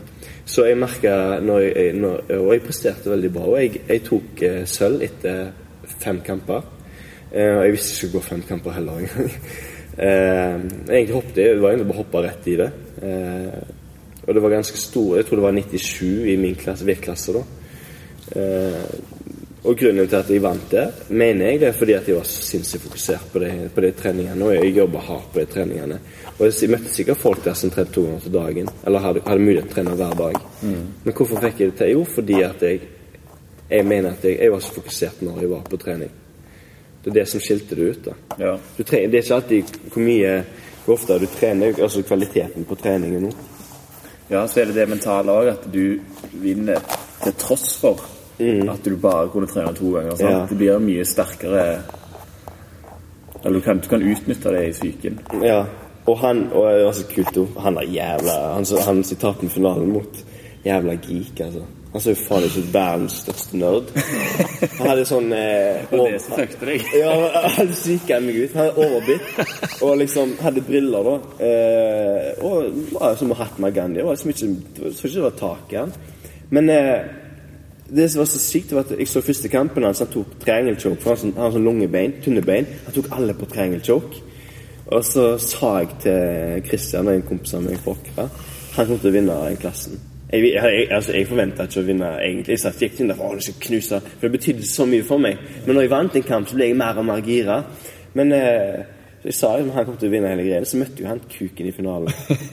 Og så Hva tror du han vant på? Triangle choke. Så jeg hadde liksom tenkt jeg ikke komme meg ut den måten der og øve liksom på det når vi varmer opp. da Han tok meg, han var så sinnssykt god på det. Og så gikk han bort til meg etterpå, han og treneren liksom takk for kampen, han grein, og det betydde så mye for han, og jeg bare oh, liksom min første, første gang i går skikkelig kamp. Kom bort snakket med meg og spurte hvor lenge jeg hadde trent. Så jeg hadde trent fast nå i, i to, nei, tre måneder. Kødder du, liksom? Hæ? What the fuck, liksom? Hæ? Ja, Hvor ofte trener du, da? Jeg har jo trent to ganger i uka nå. Og jeg sånn You on a roll, man! Yes, er. Jeg må da hadde han Facebook, og han sa jeg kom til noe langt. Men så sa jeg at det er ikke dette jeg egentlig driver med. Det er MMA jeg har fokus på. det. Grunnen til at jeg trener dette, er for å bli bedre på bakken. Men han sa det, liksom. Og det var litt kult å høre fra han som vant òg, sant. Så da, da imponerte jeg meg sjøl. Nice, det, altså. Ja, det var nice. Det er skikkelig nice. Det var skikkelig nice. Det var, det var gøy. Og, og han treneren hans så, han så at han ble sånn overraska. Kult, liksom. Men de, men de tenker for lett på det. To ganger i uka. Altså, de tenker jeg har trent to ganger til dagen eller hver dag. De tenker ikke at de gangene betydde mye for meg. Kvaliteten er så høy Kvaliteten. at det Men veldig ofte folk trener to ganger om dagen, så går de konstant i sånn 70% kraft. Mens hvis du trener en gang i dagen hardt, antall så er du alltid restaurert. Du går kamp. Og hvis du tenker deg om kampen er jo bare seks minutter i hvitbeltet, da. Fem. Fem minutter? Ja. Ok, fem minutter. Og, og da skal du yte 100 Og hvis du da har restaurert, og så yter 100% igjen, restaurert, yter 100% igjen, så bygger du mye mer opp enn han som kun går på 70 Selvfølgelig. ikke på de til å restaurere i Ja, tillegg. og, men det er jo Og så kan du se annerledes på det. Ja, men Rent teknisk da så er det jo mye smartere å trene to ganger dagen litt mer rolig. For da får du mer tid på matta og mer teknikker. Ja, og og det kan Men jeg jo bare si. kamp- Men det er jo ganske vanskelig kamp- holde før kamp- sånn. Rett før kamp så vil jeg sagt at det er mye bedre å trene 100% og komme tilbake restaurerte. Trene 100 Og hvis du vil trene to ganger om dagen, heller trene teknikk. Sånn jeg.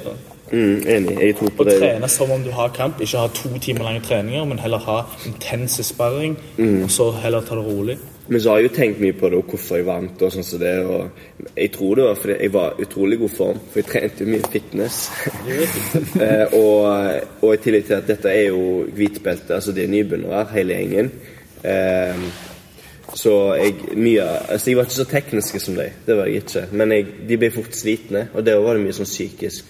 For når jeg gikk inn i rund- kampen der, etter to kamper, så var jeg jo dødsliten. For du har jo adrenalin som faen, og armene, du føler ikke armene dine, for det er så mye i brasiliansk så mye holdegrep, du holder i drakten og sånn.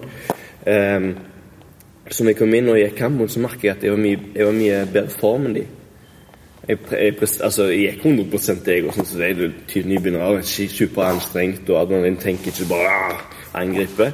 Eh, men eh, jeg vant på at jeg var mye bedre form enn de. Ikke fordi jeg var mer teknisk enn de. Jeg, og jeg følte meg dobbelt sterk som nå, altså. Fordi jeg trente mye crossfit. Ja. Men du er sterk òg.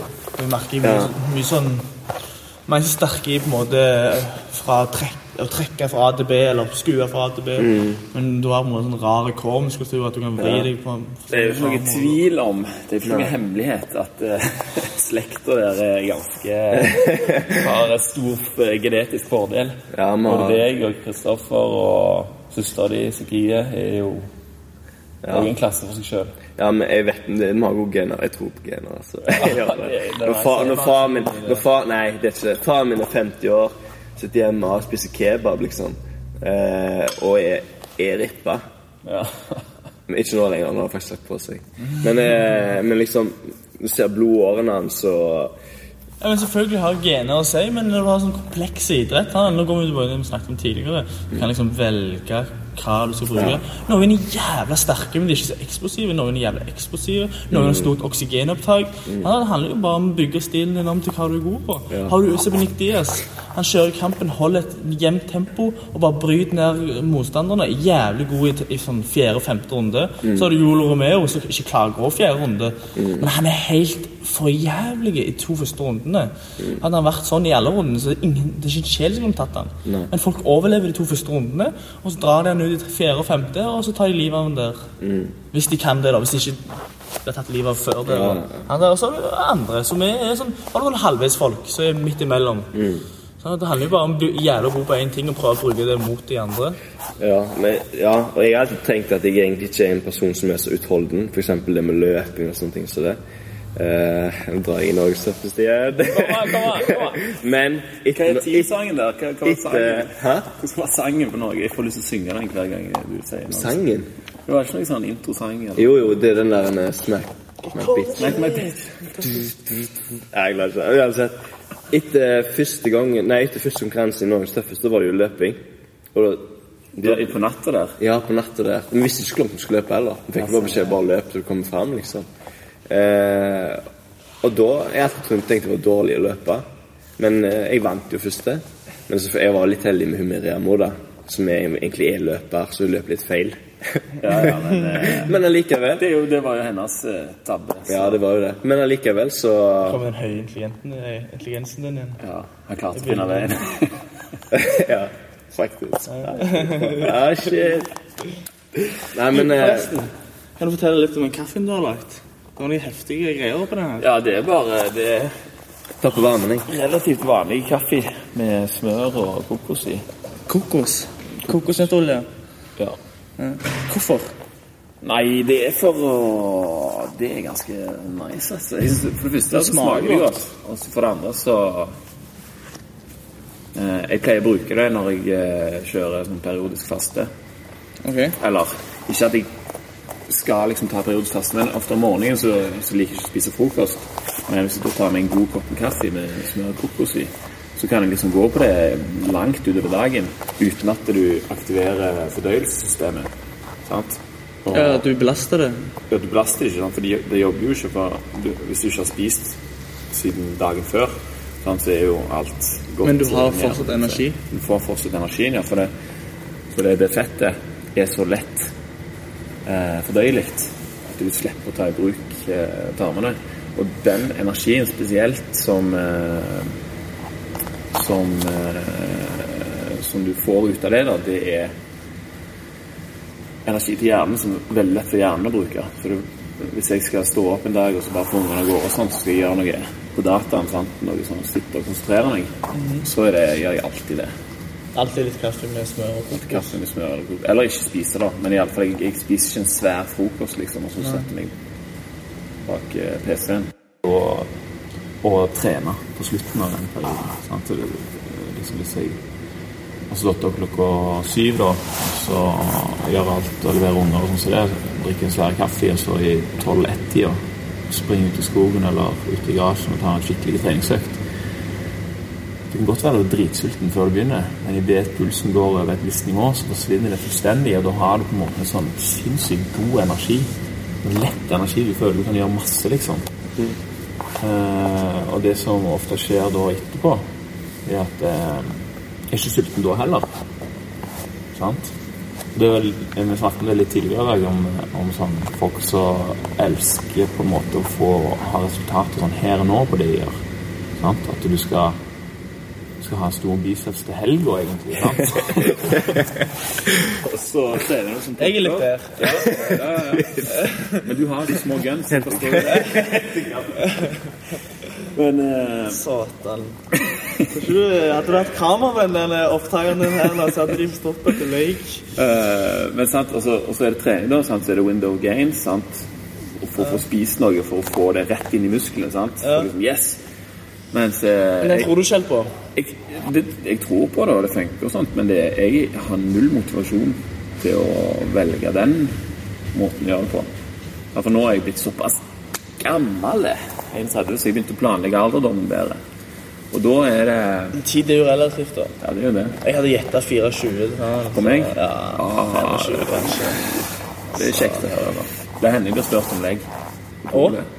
Ja, så jeg har barbert meg og klippet meg, så Men, eh, men eh, hva var det hva var det jeg snakket om? Ja, altså hvis du, hvis du lærer kroppen din da til å yte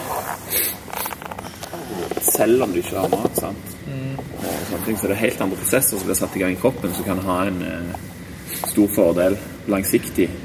Sant? At du kan takle alderdommen bedre. Du kan være en sprekere, gammel mann Mm. istedenfor å ha vært en som har vært i Eddie Beef liksom, en gang. Og så mm. ja. sånn pluss, liksom. Men det går jo på det samme som du snakket om òg, at det, det, det her med livsstil er mye viktigere enn ei økt, liksom. Sant? At du prøver å legge sånne ting inn, så, så du Altså, Sånn som Geir Kåre sier òg, at han er veldig sånn lett inspirert og har lett for å liksom Placeboen er sterke. sånn er det hos meg òg. Altså, lett for å tro på ting. Men, men eh, man har òg får veldig fort motivasjon til å prøve nye ting. Sant? Og det er en av de tingene som jeg syns er viktig. Altså det, det er viktigere å prøve ting og sjekke, liksom. Føle litt på det og se, gjøre gjør, deg opp en egen mening, istedenfor å liksom Nei, dette er ikke vits å prøve, for det var en studie som sa at eh, dette var ikke bra, liksom. Sant? Altså, du trenger ikke en studie for å finne det ut, liksom. Nei. Sant? Altså, Nei, for hvordan, hvordan kan du vite noe egentlig? Altså, hvis du tenker på det, Hvordan kan du egentlig vite for eksempel at et eple er sunt? Ja, selvfølgelig, det er helt logisk at det eple er sunt. Men hvordan kan du vite hva er det bra med egentlig? Skjønner du hva jeg mener? ja. Fordi at vi har hørt siden vi var små. Fordi at de sier det på TV. Eller, skjønner du hva jeg mener? Om det er logisk? Ja, det er naturlig med det. Det er det vitenskap kommer inn. De har jo Ja, men det er det jeg sier. Men det er det jeg sier. Men hvordan kan du vite at alt du leser, er sant? Vitenskapen har blitt så sinnssykt komplisert etter hvert. At det, det er liksom så ekstremt vanskelig å få noen klare resultater. Du får, og på de aller fleste studier så står det sånn Og eh, på bakgrunn av denne konklusjonen så konkluderer vi at det her trengs det mer forskning. Ja, det, Sant? Men skal vi vente på det, da? Eller kan vi Nei, prøve ut ting hele veien? jeg prøver ting ut, og så hvis det er logiske metoder, så funker det. Ja, Skjønner det du? sier. Det, altså Placeboen det er jo en, en ting som en må ønske velkommen. Ja. Sant? Altså, Hvis et eller annet funker, og det er pga. placeboen, spiller jo ingen rolle, det. De er jo helt konge. Ja. Sånn som den der en løksuppa mi, eksempel. Den som lagde i går, ja. Ja, ja. det er med 100 er sterkere enn antibiotika. Ja, 100. For jeg leste Ikke det. 1000? Nei, ikke 1000. For meg er det 1000. Men jeg leste det liksom, ok, det sto For hva sier logiske metoder? Vi har sagt så mye om det jævla medisingreiene nå. Men jeg tror ikke på medisiner. Altså Hvis jeg går til legen med kneet mitt og har vondt i kneet, jeg ta noe eh, Paracet og slapp litt av i to måneder. Jeg har ikke tid, så jeg går kampstart, for faen. Sånn? Så det er liksom Smell opp litt løk. Hæ? Smeller opp litt løk, sier jeg. Smell opp litt løk. Og jeg leste liksom, jeg, jeg satt på Facebook, bladde ned, skulle Mind Body Green opp. Og så sto det 100 ganger sterkere enn eh, antibiotika. Og så ja, måtte jeg finne ut av dette. her. Jeg gikk inn, så på oppskriften og sa ja, det er ikke så vanskelig. Det skal bare ha 50 sånne fedd med Det er nettopp det. Dette vi finne ut av. Helt konge, det. den ser konge. Og så eh, to hele løk, og så tenkte jeg faen, det kommer, kom til å stinke. Men så prøver jeg, for jeg var litt forkjølt. Og tenkte, ja, jeg prøver i hvert fall.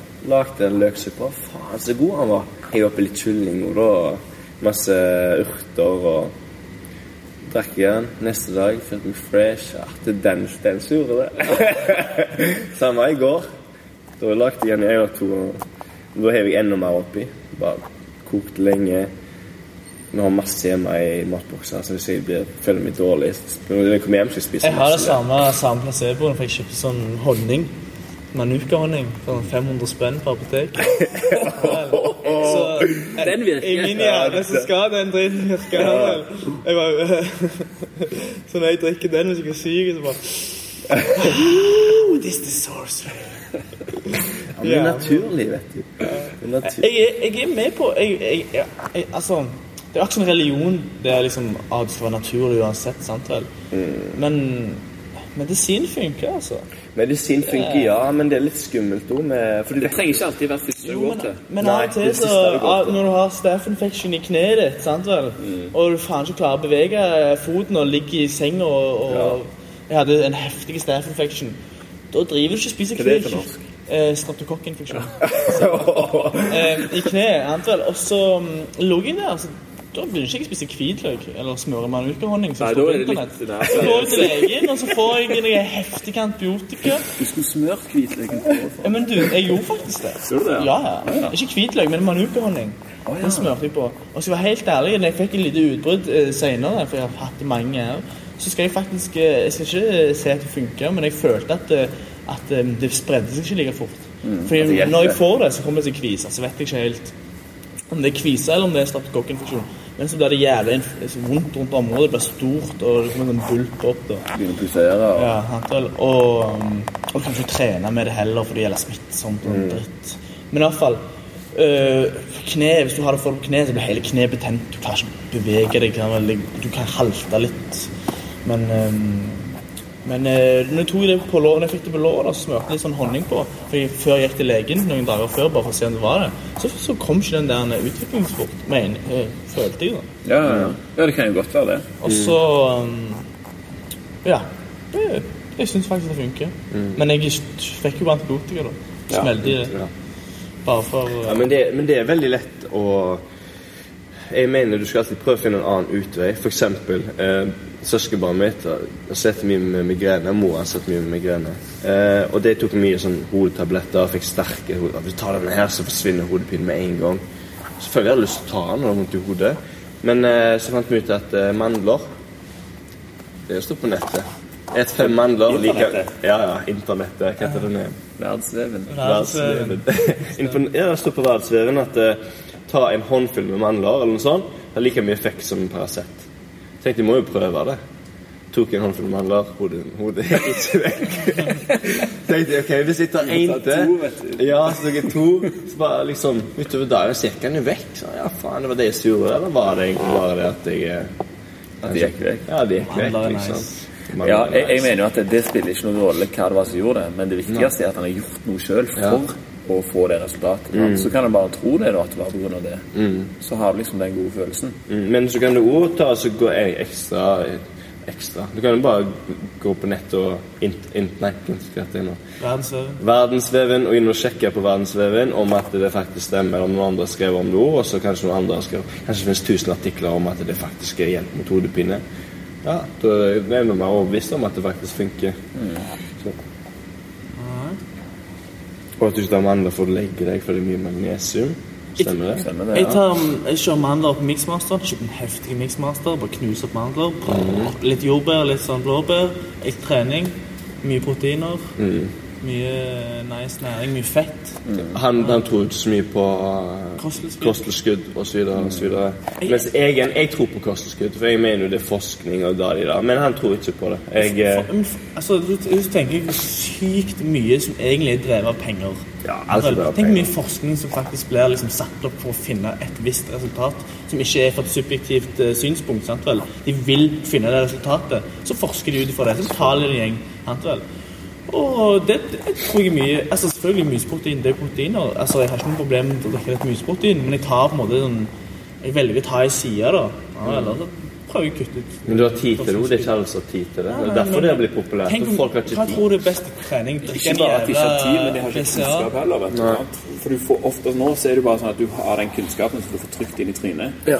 Jo, jo, men Og da er alle sånn OK, ja, faen, jeg trener jo, jeg må jo kjøpe en sånn sånn 20, 20 liters bøtte. Ja. Sette det på disken, liksom. Det er liksom før du melder inn. det er ikke bare protein, det er ikke bare vanlig protein. De skal ha testobooster, så skal de ha BCCA. For det de må alltid ha protein i kroppen. Sant? det er ikke Så- bare sløse vekk med trening, liksom. Også, også har de, men de har ikke vanlig, det er ikke bare sånn BCA, de har BCA med mm, sånn smake sånn hva de leser, sånn uh, Mojito BC.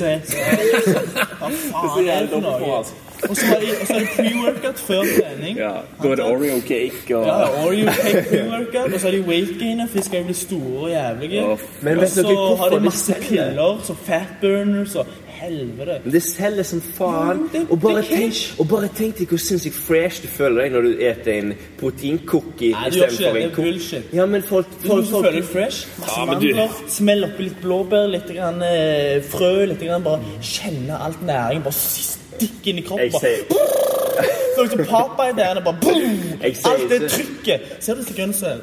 Satan. Jeg sier ikke Men jeg, jeg bare sier at eh, eh, det er mye lettere for meg å gå opp og kjøpe en proteinsjokolade etter trening, for da får jeg god samvittighet. Ah, det er proteinsjokolade. Det er for, for, jo, for det, for fortjener jeg det. Jeg har Nei, trent fortjener ikke en drit. Og det største, det største eh, problemet jeg har med dette, er hvor mange personer som faktisk klarer å lure seg til at sånne jævla barer smaker godt. Det smaker jo drit. Og, og det er ikke sunt heller. Det er ikke sunt. Nei. Det er ikke sunt. Nei, jeg tror ikke det er sunt. Les bare på den pakken der. Bare for det og 50 gram proteiner. Og tenk på all den vitenskapen som skal til for å putte 50 gram Slangegift protein. er protein. Sant? Fuck. Drikker Ja. det. Nei, du kan jo ikke det. Du dør. Ja, men det er Altså, proteiner er jævlig mye forskjellig. Sammen. Det er naturlig. Kommer rett fra- Og rett inn i åra, vet du. Og så smaker de jævlig godt. Hvis du går opp og kjøper en sånn, sånn en isotonic, så smaker det dødsgodt. Jeg har ikke smakt dem av prinsipp, men jeg vet at det smaker godt. Og, og det, det jo, da har du lyst til å drikke det. Hadde det smakt drit, men var sunt, hadde du ikke drukket det. Nei. De selger ikke kosttilskudd til å smake drit.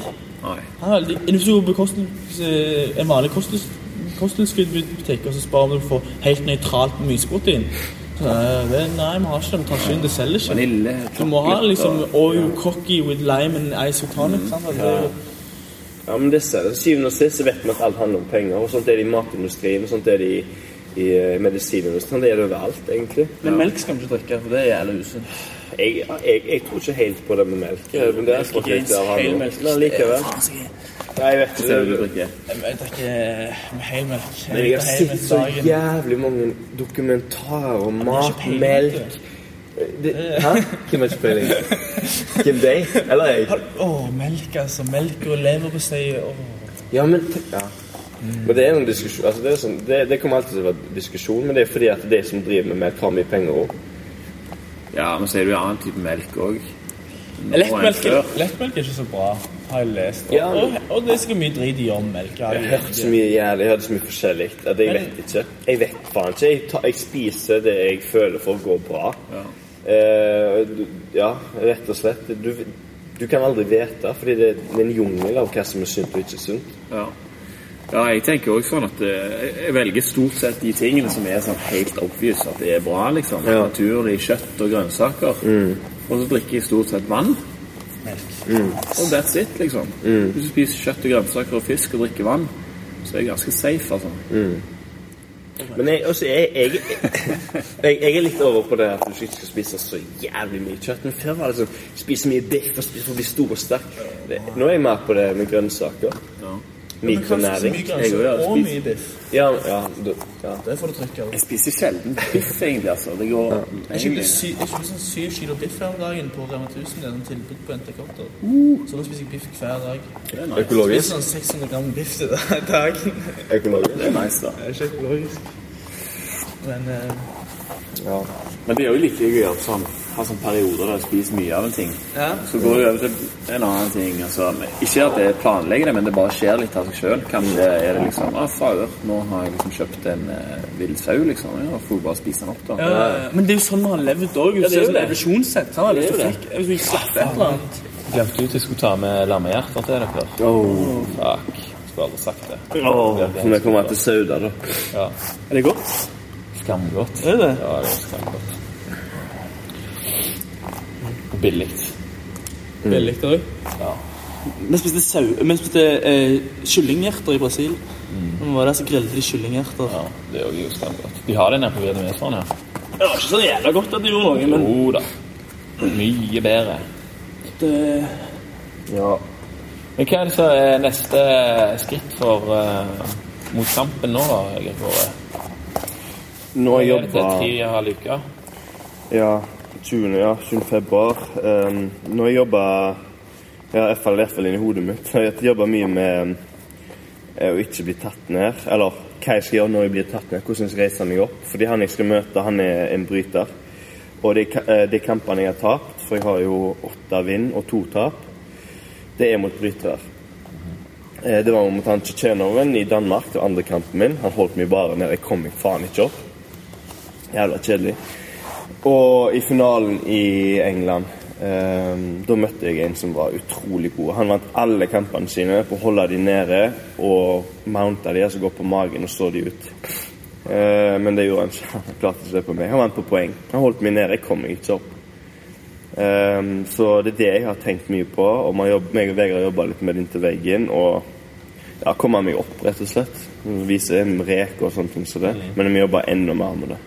Jeg må bli Jeg skal ikke bare bli god, jeg må bli, jeg må bli jævlig god i det. Fordi at det er der, det er der jeg har tapt. At folk holder meg nede. Ja, det blir veldig tydelig hvis det har skjedd sånn. Ja. Så da, liksom, det er det jeg jobber med, men som jeg også jobber med det jeg er god på. Eh, jeg tenker litt på det òg, fordi folk vil ikke stå med meg. Ingen eh, under EM ville holde, altså ha standup med meg. Altså stående kamp. Eh, ing, ingen ville det. Eh, så det må jeg òg jobbe med, at de, jeg tvinger de til å stå og, og utveksle slag og spark med meg. Så planen min er å holde det stående. Eh, la prøve og la han prøve å få meg i bakken og komme meg vekk, eller havne på topp og avslutte kampen der. For jeg kan bakke, jeg òg.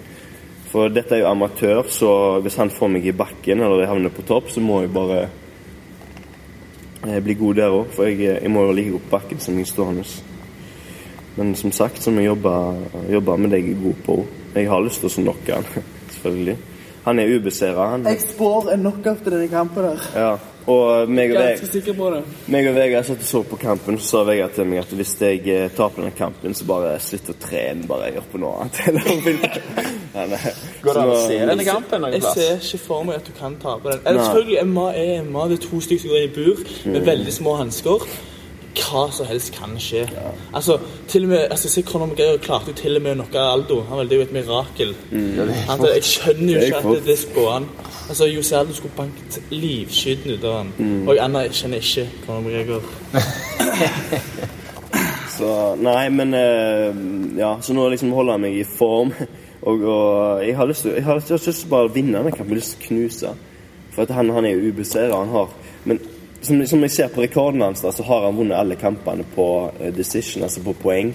Det er fordi at han er en sånn en fighter som hiver de i bakken, holder de nede. Han avslutter ikke kampene sine. Han kunne avslutte én eller to kamper, tror jeg. Han kommer, han kommer til å tape den kampen, det, det er jeg sikker på. Ja, Men ikke si det for mye, for det blir for cocky. Jo, du det, Nei, men som jeg aldri undervurderer noen heller, selvfølgelig. Fordi at eh, Hadde jeg vært treneren hans, så hadde jeg trent på å eh, avslutte kampen på bakken. At han havner på topp og slår meg ut. Så, sånn det. Og han så fysisk sterk ut og slengte rundt på dem. Så han, han er en sterk bryter, da. Eh, men jeg har lyst til å så Jeg har ikke bare lyst til å vinne, jeg har lyst til å vinne spektakulært. Fordi syvende og sist igjen, så grunnen til at folk ser på dette, er fordi at det er underholdende. Så da må jeg gjøre en underholdning ut av det. Ja. Blir det streama, dette her? Eh, det vet jeg ikke helt. Eh, Cage Fight Nei, det heter ikke det. heter BC eh, MMA. British Challenge, eller noe sånt. Eh, men jeg vet ikke om det blir streama. Det tror jeg. Det kan være. Fordi de, Det er ganske de blir- profesjonelt. Ja, det er det. Og de Ikke den begynner- uka de gikk. Jo, Det blir jo Masse flotte damer som følger deg inn i ringen. Ja, eller stemmer. og- Stemmer. Så det blir sikkert lagt ut link da på MMA På Herjer MMA-sida på Facebook. Ja, det må få til. Ja, det må få til. Så bare sjekk ut Herjer MMA på Facebook, Mm. og lik den, og få med dere hva som skjer her. For det, dette tror jeg er starten på noe som kommer bare til å vokse seg større og større og bli mer og mer interessant. Mm. Og, og, mer, og mer folk som syns det er interessant. Ja. Så det blir spennende å se framover hvordan det går nå. Mm. Det var iallfall sinnssykt kjekt å ta turen innom her og velte seg litt rundt på gulvet. og Drikke litt kaffe og snakke, snakke om livet. Jeg er ganske privilegerte som kan gjøre dette midt på dagen på Ja, torsdag. ja. Det er ikke verst. Nei, det er ikke det. Det er deilig. Ja, det er det. Nei, vi har vel lagt til rette for det sjøl. Mm, vi har det. Godt å vite. Skjei. Du har havnet oppi det. Det er Kåre som har startet dette. Jeg er bare med. Du er med. skuta. Du er med sideskuta. Det heller. Det skjedde jo ikke helt av seg sjøl, det heller. Det var vel sånne ting du gjorde som gjorde at han ville ha deg med. Men det er ganske kult å se. Det, alt det her starter i hjernen til Kåre.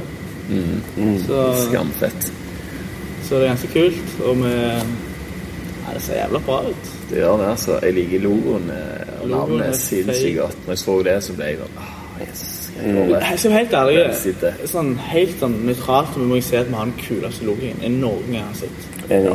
Jeg, jeg har aldri sett en så kul logo. Nei. Nei, det var helt Og han, og han betyr noe. Det er liksom ikke bare Hva betyr det, da? Harry har MMA. Å, jeg gleder meg. Og meg og han har filma så mange Hva betyr det? Hva betyr det? Jeg skal forklare deg hva det betyr. Du ser de tre trekantene der. Ja. Det betyr eh, einherjer. Altså, en einherjer er jo en som har dødd i kamp. Det er hvalknuten. Hvalknuten. Som går over på at ting går om igjen og om igjen. Det er det de står for å representere. Ja. ting går om og om igjen. Samme som åttetallet, liksom. Ja, det blir på en måte samme. Det går om igjen og om igjen. Ja. Og det som er så kult, er at det, det symbolet der, det er jo ekte. Altså, det er funnet i runer. da. Eh, og det vikingene de vil, Ingen vikinger ville dø hjemme gammel i stenga. Alle ville dø i kamp. Det er derfor jeg har en teori om at det var grunnen til at de spiste fluesopp. For ah, det døde de uansett. Ah, jeg kunne bare sagt det. Så eh, når de døde i kamp, så havna de i Valhall. Jeg vet ikke om de pulte, da, men drikke, bulla, spy og slåss. Stå opp livet neste dag og akkurat det samme igjen. Det var det de ville. Det var paradis, vikingene. De ville i Valhall, slåss, drikke mjød. og den knuten er funnet i sånne eh, innristninger som representerer en, ung kriger kommer til Valhall. Så står den i bakgrunnen. Alle Alle vikingene ville bli én herjer. Altså en herjer. Og hvis du tenker på det òg, så når vikingene reiste ut, så var det å plyndre og herje. Og når jeg banket lillebror min i sofaen, eh, og mor mi sto og lagde mat og ropte 'Slutt å herje sånt!' Så sitter jeg igjen derfra òg. Sant? Slutt å herje. Og det der med at vi på Vestland vi er veldig stolte over det med, det med vikingtid og sånn, så det er liksom litt sånn stolthet nå. Vi har spilt litt på det òg. At uh, vikingtida, altså norske folk, jo Norwegian Vikings, alt det. Dette var jo kongetet òg, rett her borte på Avaldsnes. Ja, Spesielt denne regionen. ja. Så det er egentlig det logoen ut ifra. Og så har vi et eget preg på det, for det er ikke alle som forstår at de trekantene der vi har noe med vikinger å gjøre. Så derfor satte vi på horn og litt sånt òg. Og så ble det herjer, som passet så utrolig bra til MMA òg. Fordi når vi reiser, når jeg reiser og slåss i England nå, igjen, sånn som vi gjorde, sånn som forfedrene våre gjorde, så blir det jo at jeg går ned og plyndrer og herjer. Det høres bra ut, det. Og så ser det jo dødskult ut på T-skjorta. Ser rått ut. Ser helt rått ut, ja. Jeg har solgt ut alle T-skjortene. Må har bare dame-T-skjorter igjen. Så nå må vi bestille nye. Det har vi sagt lenge nå. Men så må Har du sagt det? Jeg har sagt det. Så ja.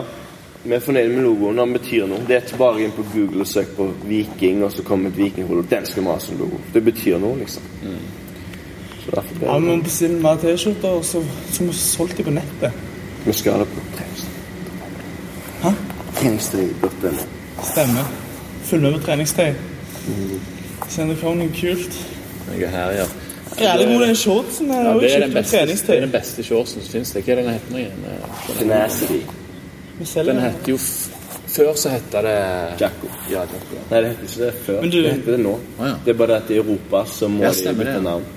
De har ikke hatt Jacko der, for det var et eller annet firma som hadde hette det. Så da Men, måtte vi de bytte til Tenacity. Samme logo alt. Men vi tok inn den shortsen her. De er Og jeg brukte den når folk fikk ta på den litt og føle på den, så kjøpte alle den. Ja. Bom, Han utsolgt. er- han er. Han er helt rå. Husker ikke det var den jeg alltid hadde, vet du. Han er litt, han er litt sånn, dyr, men han er Har du helt sinnssykt Jo. god. Jeg har den òg. Jeg har den hjemme en plass. Ja.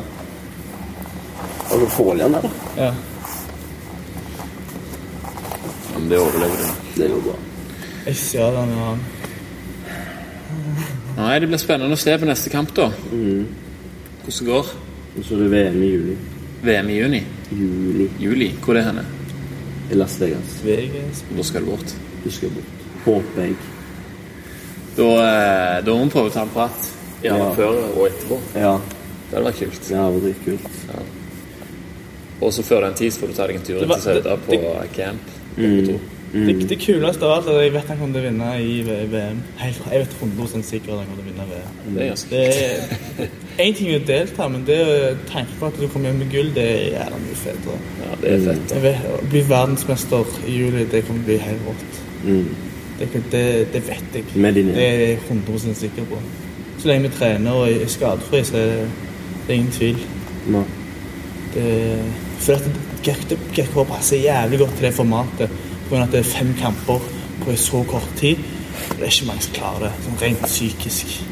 Nei. Rent psykisk. Bare tanken av det Jeg får vondt inni meg av å tenke på alle de hjernerystelsene og du kan oppnå. Det er så Men, men å se du fikk ikke noe Du tok ikke noe tunge slag i den. Du, Ingenting. du klarte det ganske bra. Jeg fikk eh, et tungt slag i, i finalen, bare. Mot han der eh, duden. Han eh, Men jeg være helt ærlig, så liker ikke det formatet der. Fem kamper på fire dager, det er for mye. Ja, det- jeg skjønner ikke vekkutting og sånt. Ja, ja. Vekkutting hver dag. Det er helt- det er det er helt, tullet. det er Det, helt det er helt Hva var det de sa Vi for- hadde for den venner her som ville nekte han å gå kamp, liksom. Mhm. Jeg har en kompis som prøvde å nekte han å gå kamp i, i EM. Ja, for hjernen den tar, tar mye lengre tid for å få, tilbake fuktigheten i. Ja. Og det er jo dødsbad å bli slått Ja. mens du er dehydrert i hodet. Ja, det. Det er jo krise. Så jeg skjønner egentlig ikke helt hvordan de skal kunne fortsette med, med vektkutting i det. Nei, men de, altså. de jobber jo HNFC har kutta det. HNFC har kutta det. Så det vil si at alle De bare alle går, liksom. opp, i- opp en klasse. Ja. Altså, det spiller jo ingen rolle, det. Nei, men det er bare bare de gjør jo det, da, selvfølgelig, men For de vil jo være størst mulig i minst mulig vektklasse. Ja, ja, ja. Sant? Og så det er jo sånn som Conor McGregor, han skulle egentlig aldri gått i bantamweight. Nei, jeg mener i featherweight. Som han, altså, han veier jo egentlig for mye. Bare kutter så jævlig. Det ser jo ikke ut. Ser jo faen, det ser jævlig ut. Ja. må- noe må bli båret inn på vekta. Det er Det har aldri vært dødsfall i tungvektboksing. Det er ingen er som ikke kutter. vekkutting. Men det har vært mange andre dødsfall. Ja. Nei, jeg vet ikke, det er ikke bare, bare tenk deg, du kutter vekk litt eh, Altså, du dehydrerer til for slag og sånt i hodet. Du kan ikke holde på lenge da, altså. Nei. Men heldigvis er det MMA. Det er ikke så mye slag i hodet i MMA som det er i boksing igjen. Pluss at når du ikke klarer å beskytte deg så stopper de kampen. Men det gjør jo ikke. verre med amatørboksing. Det kan du tre kamper på en helg. Er normalt, det. Ja. Amatørboksing. Helt dehydrert. det. jeg var med i NM, så gikk jeg eh, Vant eh, første kampen. Husker jeg fikk skikkelig juling, men vant. Men fikk en mye slag. Og så gikk jeg, eh, husker jeg våknet dagen etterpå og skulle på kamp. Hadde veldig vondt i hodet. Jeg ikke bare tenkte på hvor vondt i hodet. Jeg hadde syket meg sjøl ned før jeg gikk inn i ringen. Og så taper jeg den kampen der, da. Der kommer psyken inn igjen, da. Han var Ja. veldig dårlig syke. For jeg bare gikk og tenkte på Føler deg dårlig, vet du, så Bare, Men, vent, eh, eh, bare vent til hans lille kamp. Han har ennå ikke gått en matkamp. Han Han har bare gått eh, boksing og bare sånn skutsu Han kommer til å gjøre så jævlig bra, det vet jeg. Når du skal gå, da? Jeg? Nei, det er ikke noe hastverk for meg. Jeg har, jeg, Han er på landslaget, jeg har lyst til å fokusere på Jeg er jo på landslaget, som sagt. Og håper ikke landslagstrenerne hører at jeg sier det. Nei, nei. Men det som er fokuset nå, for det at vi kommer to stykker fra en fra Egersund og så en som bor her i Haugesund, da, Tommy Lillaker og Espen Mathisen. Og det er to av de flinkeste folka i verden det, i den klassen. da. Eh, de var akkurat med på Copa Podio, som er den største eh, pay-per-view-dansen i jiu-jitsu i, hele verden. Det er Mette Morris. Og Tommy fikk, eh, eh, gjorde uavgjort, og Espen vant. Så de kommer opp her, skal vi ha trene opp til eh, VM i California. Og så eventuelt Abu Dhabi I mars. i mars, ja. Så det blir veldig kult. Det blir spennende. Han Jo, vant eh, ikke i mars. Litt usikker på dato, men eh, det Jeg tror det var mars, for jeg spurte om du skulle gå i matkamp. så sa du at du skulle fokusere på den. Det er i mars. 12. mars er matkamp Men, i Danmark. Men eh, hva skal jeg si, han vant jo nettopp eh, tournament i Hva er tournament på nå? Oslo. Turnering. Turnering. Turnering. Turnering i Oslo. Der ble alle de beste i hans klasse invitert. Så, hvor mange var det i klassen nå? Det skulle være åtte stykker. Det var åtte stykker. Ja, ok. Uh, Men det var ikke, alle, det, det var ikke de beste i Norge. Det var, det var ikke det. Det Det var var um, utenom meg og Nei. Nei, det var, du mente? det var um, Noen av de beste. Det var, det var litt forskjellige. Det, men det var, det var mange som ikke var med der. Men han vant hele driten, iallfall. Og han vant ikke bare liksom Det var ikke bare sånn ah, kult. Han, han, han knuste. Det var så rått det han gjorde. Jeg bare så på noen av de filmene i går, faktisk. Han gjorde det, ja. Ja. Og det, liksom, Det han gjorde sånn crazy shit. Så det er, han har sagt sånne ting, for jeg, jeg er jo veldig atletisk. Så han har sagt gjør sånne atletiske ting. Og så, så det synes jeg ser det jo entertainment. sant? Så det han gjorde Han, han, han lå ja, i gass. Han sto og slo hjul over han. Det er helt rått. Han gjør masse sånn crazy shit. Folk satt der og gapte. For han, det var så sinnssykt kult å se på. Han gjorde ting som folk ikke pleier å gjøre. det, er jo, det kommer litt an på formatet òg, for det er et format uten poeng som gjør at det kan, du kan være litt mer sånn Villmann. sånn villmann Ja, og gjøre litt mer dumme ting. da, for det er litt jo ikke er litt mer, rett og slett. ja. Og Mens herjer. hvis det hadde vært en IBF-konkurranse som er poeng, da, så kunne jeg ikke gjort det før. Jeg handler under på to poeng, så kanskje han hadde bare funnet posisjon og holdt resten av kampen og vunnet på det. Ja, altså, men eh, det her var 20 minutters kamper, da. Og så var det kun submission, ingen poeng. Så, um, så da kan du gjøre hva du vil. Men da presterer du jævlig bra. Når du gjør superfights, presterer du bedre. Men jeg, jeg liker mye mer det formatet, fordi jeg er veldig komfortabel med å bli på en måte Si at jeg gir sidekontroll, for Ja. eksempel. Så føler jeg ikke at jeg kan bli submitter for dem, for jeg føler meg veldig komfortabel i den posisjonen. Men uh, det er kjekkere å se på, da. Synes jeg. ja, det er mye kjekkere å se på, det er ingen tvil om det, fordi det blir på en måte For det er Poengfightere er kjedelig å se på. Fordi de plays altså, Som jeg går på kamp og hiver deg i bakken, så holder jeg nede, så leder jeg. Kan jeg bare ligge der, jeg. Du må jobbe som faen for å komme deg opp. Det det er kjedelig å se for, for, det, det, det utrente øyet, men det er jævla mye kunst i det òg. Hvis du eh, liker å konkurrere med poeng, så ser du på en måte mange ting de gjør som gjelder strategisk smart. Og Ja, det er ser veldig mange faktorer. Men jeg liker folk som går for submissions. Jo, greit. Men da liker du òg folk som går for knockouts på MMA. Eller folk som bare bråler. Det er, jeg synes det er dritgøy å se på. Tungvektere som bare slår seg bevisstløse annenhver gang. Mm. Altså, det er jo faen lotto hvem som vinner den tungvektklassen. For det er liksom noen treffer, så blir du knocka ut. Mens i lettvektklassen så viser det det er jo nesten ikke knockouts. Der er jævla mye semiteknikk. Mm. Men ingen liker å se på det. Han er TJ Dillershot. Han, han er jo ikke anerkjent, føler jeg. De prøver å anerkjenne men det er jo ingen som liker å se på lettvektere. Jo, jeg elsker å Jo, du liker det, for du har trent øyne, men folk som, altså de som MMA-fans generelt, det er ikke de mest uh, intelligente eh, fansa. Sorry. Men det er folk som liker å se blod. Det er jo folk som liker å se to folk, Jeg er litt uenig i det. To folk i bokseren Det går ikke an å være uenige. To folk i bokseren slår seg selv bevisstløse. Det folk liker å se på. Folk liker å se vold. Det er grunnen til det fantes Colosseum for lenge siden. Folk liker å se vold uansett faen. Og hvis du ser hvis, den, den, Akkurat det jeg sa til mamma. Hvis du går på byen, og så ser du to dudes stå og dytte hverandre så det er det sånn Faen, hun snur i et av vold. Du ser på. Det er jo, det er jo interessant. Hva skjer? Det kuleste det er. Og så, og så begynner du å tenke sånn Se han litt høyere, ja. Ja. Kommer dette til å gå? Ja, ja. Og så begynner du. Ja, for du danner et bilde i hodet med en gang, og det er det vi bruker så mye på jutsu. For hvis jeg står over Vegard, han ligger på bakken med ryggen og med beina opp, så ser du ut som jeg kommer til å knuse han. Bare det bildet i hodet ditt, hva faen, han andre står, han andre ligger. Men i sånn, bare sånn skutsu, så er det faktisk ikke sånn. Så han på bakken som bare Kom an nå, bitch. Skjønner du? Ta han, knekke han, choke han ut. Men med når folk ligger på bakken i MMA, så begynner folk å bue. sant du? Ja. I hvert fall i Amerika. ja. For det er ikke Ikke blodet, vet du. Se, se, se på Pride. Noen av det mest voldelige greiene jeg ser. Se på kinesisk publikum. De sitter bare der. Mm. Klapper høflig. Sitter de bare mm. Helt stille. Så Helt- det helt helt- helt løye. rolig. Mens i Amerika står det mye Bra! Kill him! ja. Viva van Hove. Hvorfor fortsetter de å si det når det aldri noen har gjort det? liksom? Nei, vet da faen. Det er liksom folk er litt sånn Spesielt, spesielt i USA. Der overdriver jo alt, vet du. Represent us!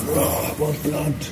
Ikke sånn. Eat his balls, Nei, Ja, det Nei, men underholdende. Jeg håper å si vold er underholdende, men det er ikke vold, det er en sport. UFC er på en måte et sirkus òg, da. Ja, de gjør det jo veldig Det se- et Selvfølgelig, de må Men sånt er det jo Sånt er det jo nesten Altså, jeg så på fotballreklame her om dagen. Jeg fikk lyst til å se fotball. Og sånn musikk, bakgrunnsmusikk, og det viser sånn highlights, Ja, ja, ja. og folk tok flikkflakk fordi de tok skåret et mål. Så Wow, fotball! du skal bare begynne med det. Ja, faen, så sitter og ser på en kamp en gang. liksom Ja, men folk det er jo ikke jævla gøy. ja, jeg, Ja, hvis det er jeg, jævla øl og- jeg, ja, nettopp. Hvis du klarer Jeg er sikker på at halvparten av fotballfans er rusa. De tar, liksom, grunnen til at de gjør det fordi de vil ta seg en øl med en kompis. Men det, er- det som en kompis har sagt Forstår det bare ikke? Det er derfor. jeg, det- det er det jeg sier. De ikke forstår deg, og du blir frustrert på de, Nei, de fordi, ikke forstår det. fordi kamp er underholdende. All, liksom, Bo, eh, alt underholdende. får ikke curling er jævlig underholdende. Satan, så går flink han er til å lage friksjon på isen. ja, men du bare fordyper deg i det, så er alt interessant. Nei. Selvfølgelig er det helt Nei. enig. Kan ikke se curling interessant? Selvfølgelig er det det. Golf er dritkjedelig å se på. Det er jo ikke det. folk som digger det, da. Ja, det er jo det, men det er, Er de bare folk er dumme, de, da? Nei, ikke dumme, de er rare. Du er du er rar i de, altså. Ja, det kan jeg telle meg å si, Nei, vet da faen. Jeg. Sjakk er plutselig er interessant fordi vi er en god i Norge. Sjakk er jo jævlig interessant, Ja. egentlig. I hvert fall med tanke på hvor flinke folk kan bli. Ja. Men hvis du kan velge mellom å se to dude fight, fighte eller å se to dude spille sjakk Så kan jeg bare si at jeg er glad for at det fins det valget. At vi kan velge å se på det som vi syns er interessant. Ja, selvfølgelig. Så kan de gjerne bare se på golf. Ja. Men jeg, jeg, jeg, jeg klarer bare ikke å forstå det med fotballen. Jeg klarer faen ikke å forstå det. Jeg er sikker på Jeg husker det jæklig godt når du var Du og- la ut sånne snaps på Facebook og sånn forskjellig. Før så var det sånn Så fotballkamp i byen, så, så skrev du filmer du fotballfans som gikk og sang med skjerf og sånn. Ja, ja. Så sto det bare 'Beliebers'. Ja! Men det var akkurat sånn jeg følte henne. Det Ja. tok jo helt av. Hva er det, hva er det liksom? Ja, og de, de, ja, jeg, jeg klarte ikke å forstå Men det er jo Men det er det jeg ser, så jeg tror grunnen til at mange Sånn så, OK, Karl Martin han meldte seg inn i hva heter det, Måkeberg. han liker faen i fotball! Tror du han bryr seg om fotball, liksom? Hei! Oh, så kie, så kjekt! Nei, nå kom søstera til her, så må vi ta pause. Ja, pause. Mm, takk for nå. Takk.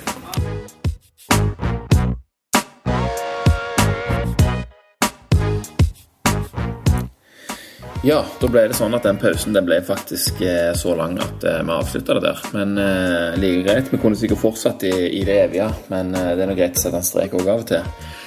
Tusen takk til Herjer MMA og Geir Kåre og Vegard som tok seg tid til, til en eh, god prat. Sjekk ut Herjer MMA på Facebook og diverse andre sosiale medier.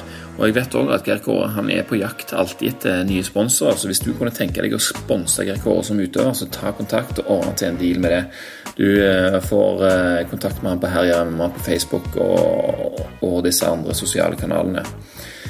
Eh, tusen takk til Vivo Barefoot og Pure Pharma som sponser episoden. Gå inn på vivabrands.no og bruk rabattkoden podcasten for 10% på alle Vivo Barefoot-sko. Purepharma.com, bruk koden podcasten for 10% avslag på alle produktene på den sida. Eh, har du et produkt eller en butikk som du kunne tenke deg å markedsføre her på podcasten, så gi meg en lyd på eivind.podkasten.no, så kanskje vi finner ut av noe. Da gjenstår det bare å si inntil neste gang snakkes!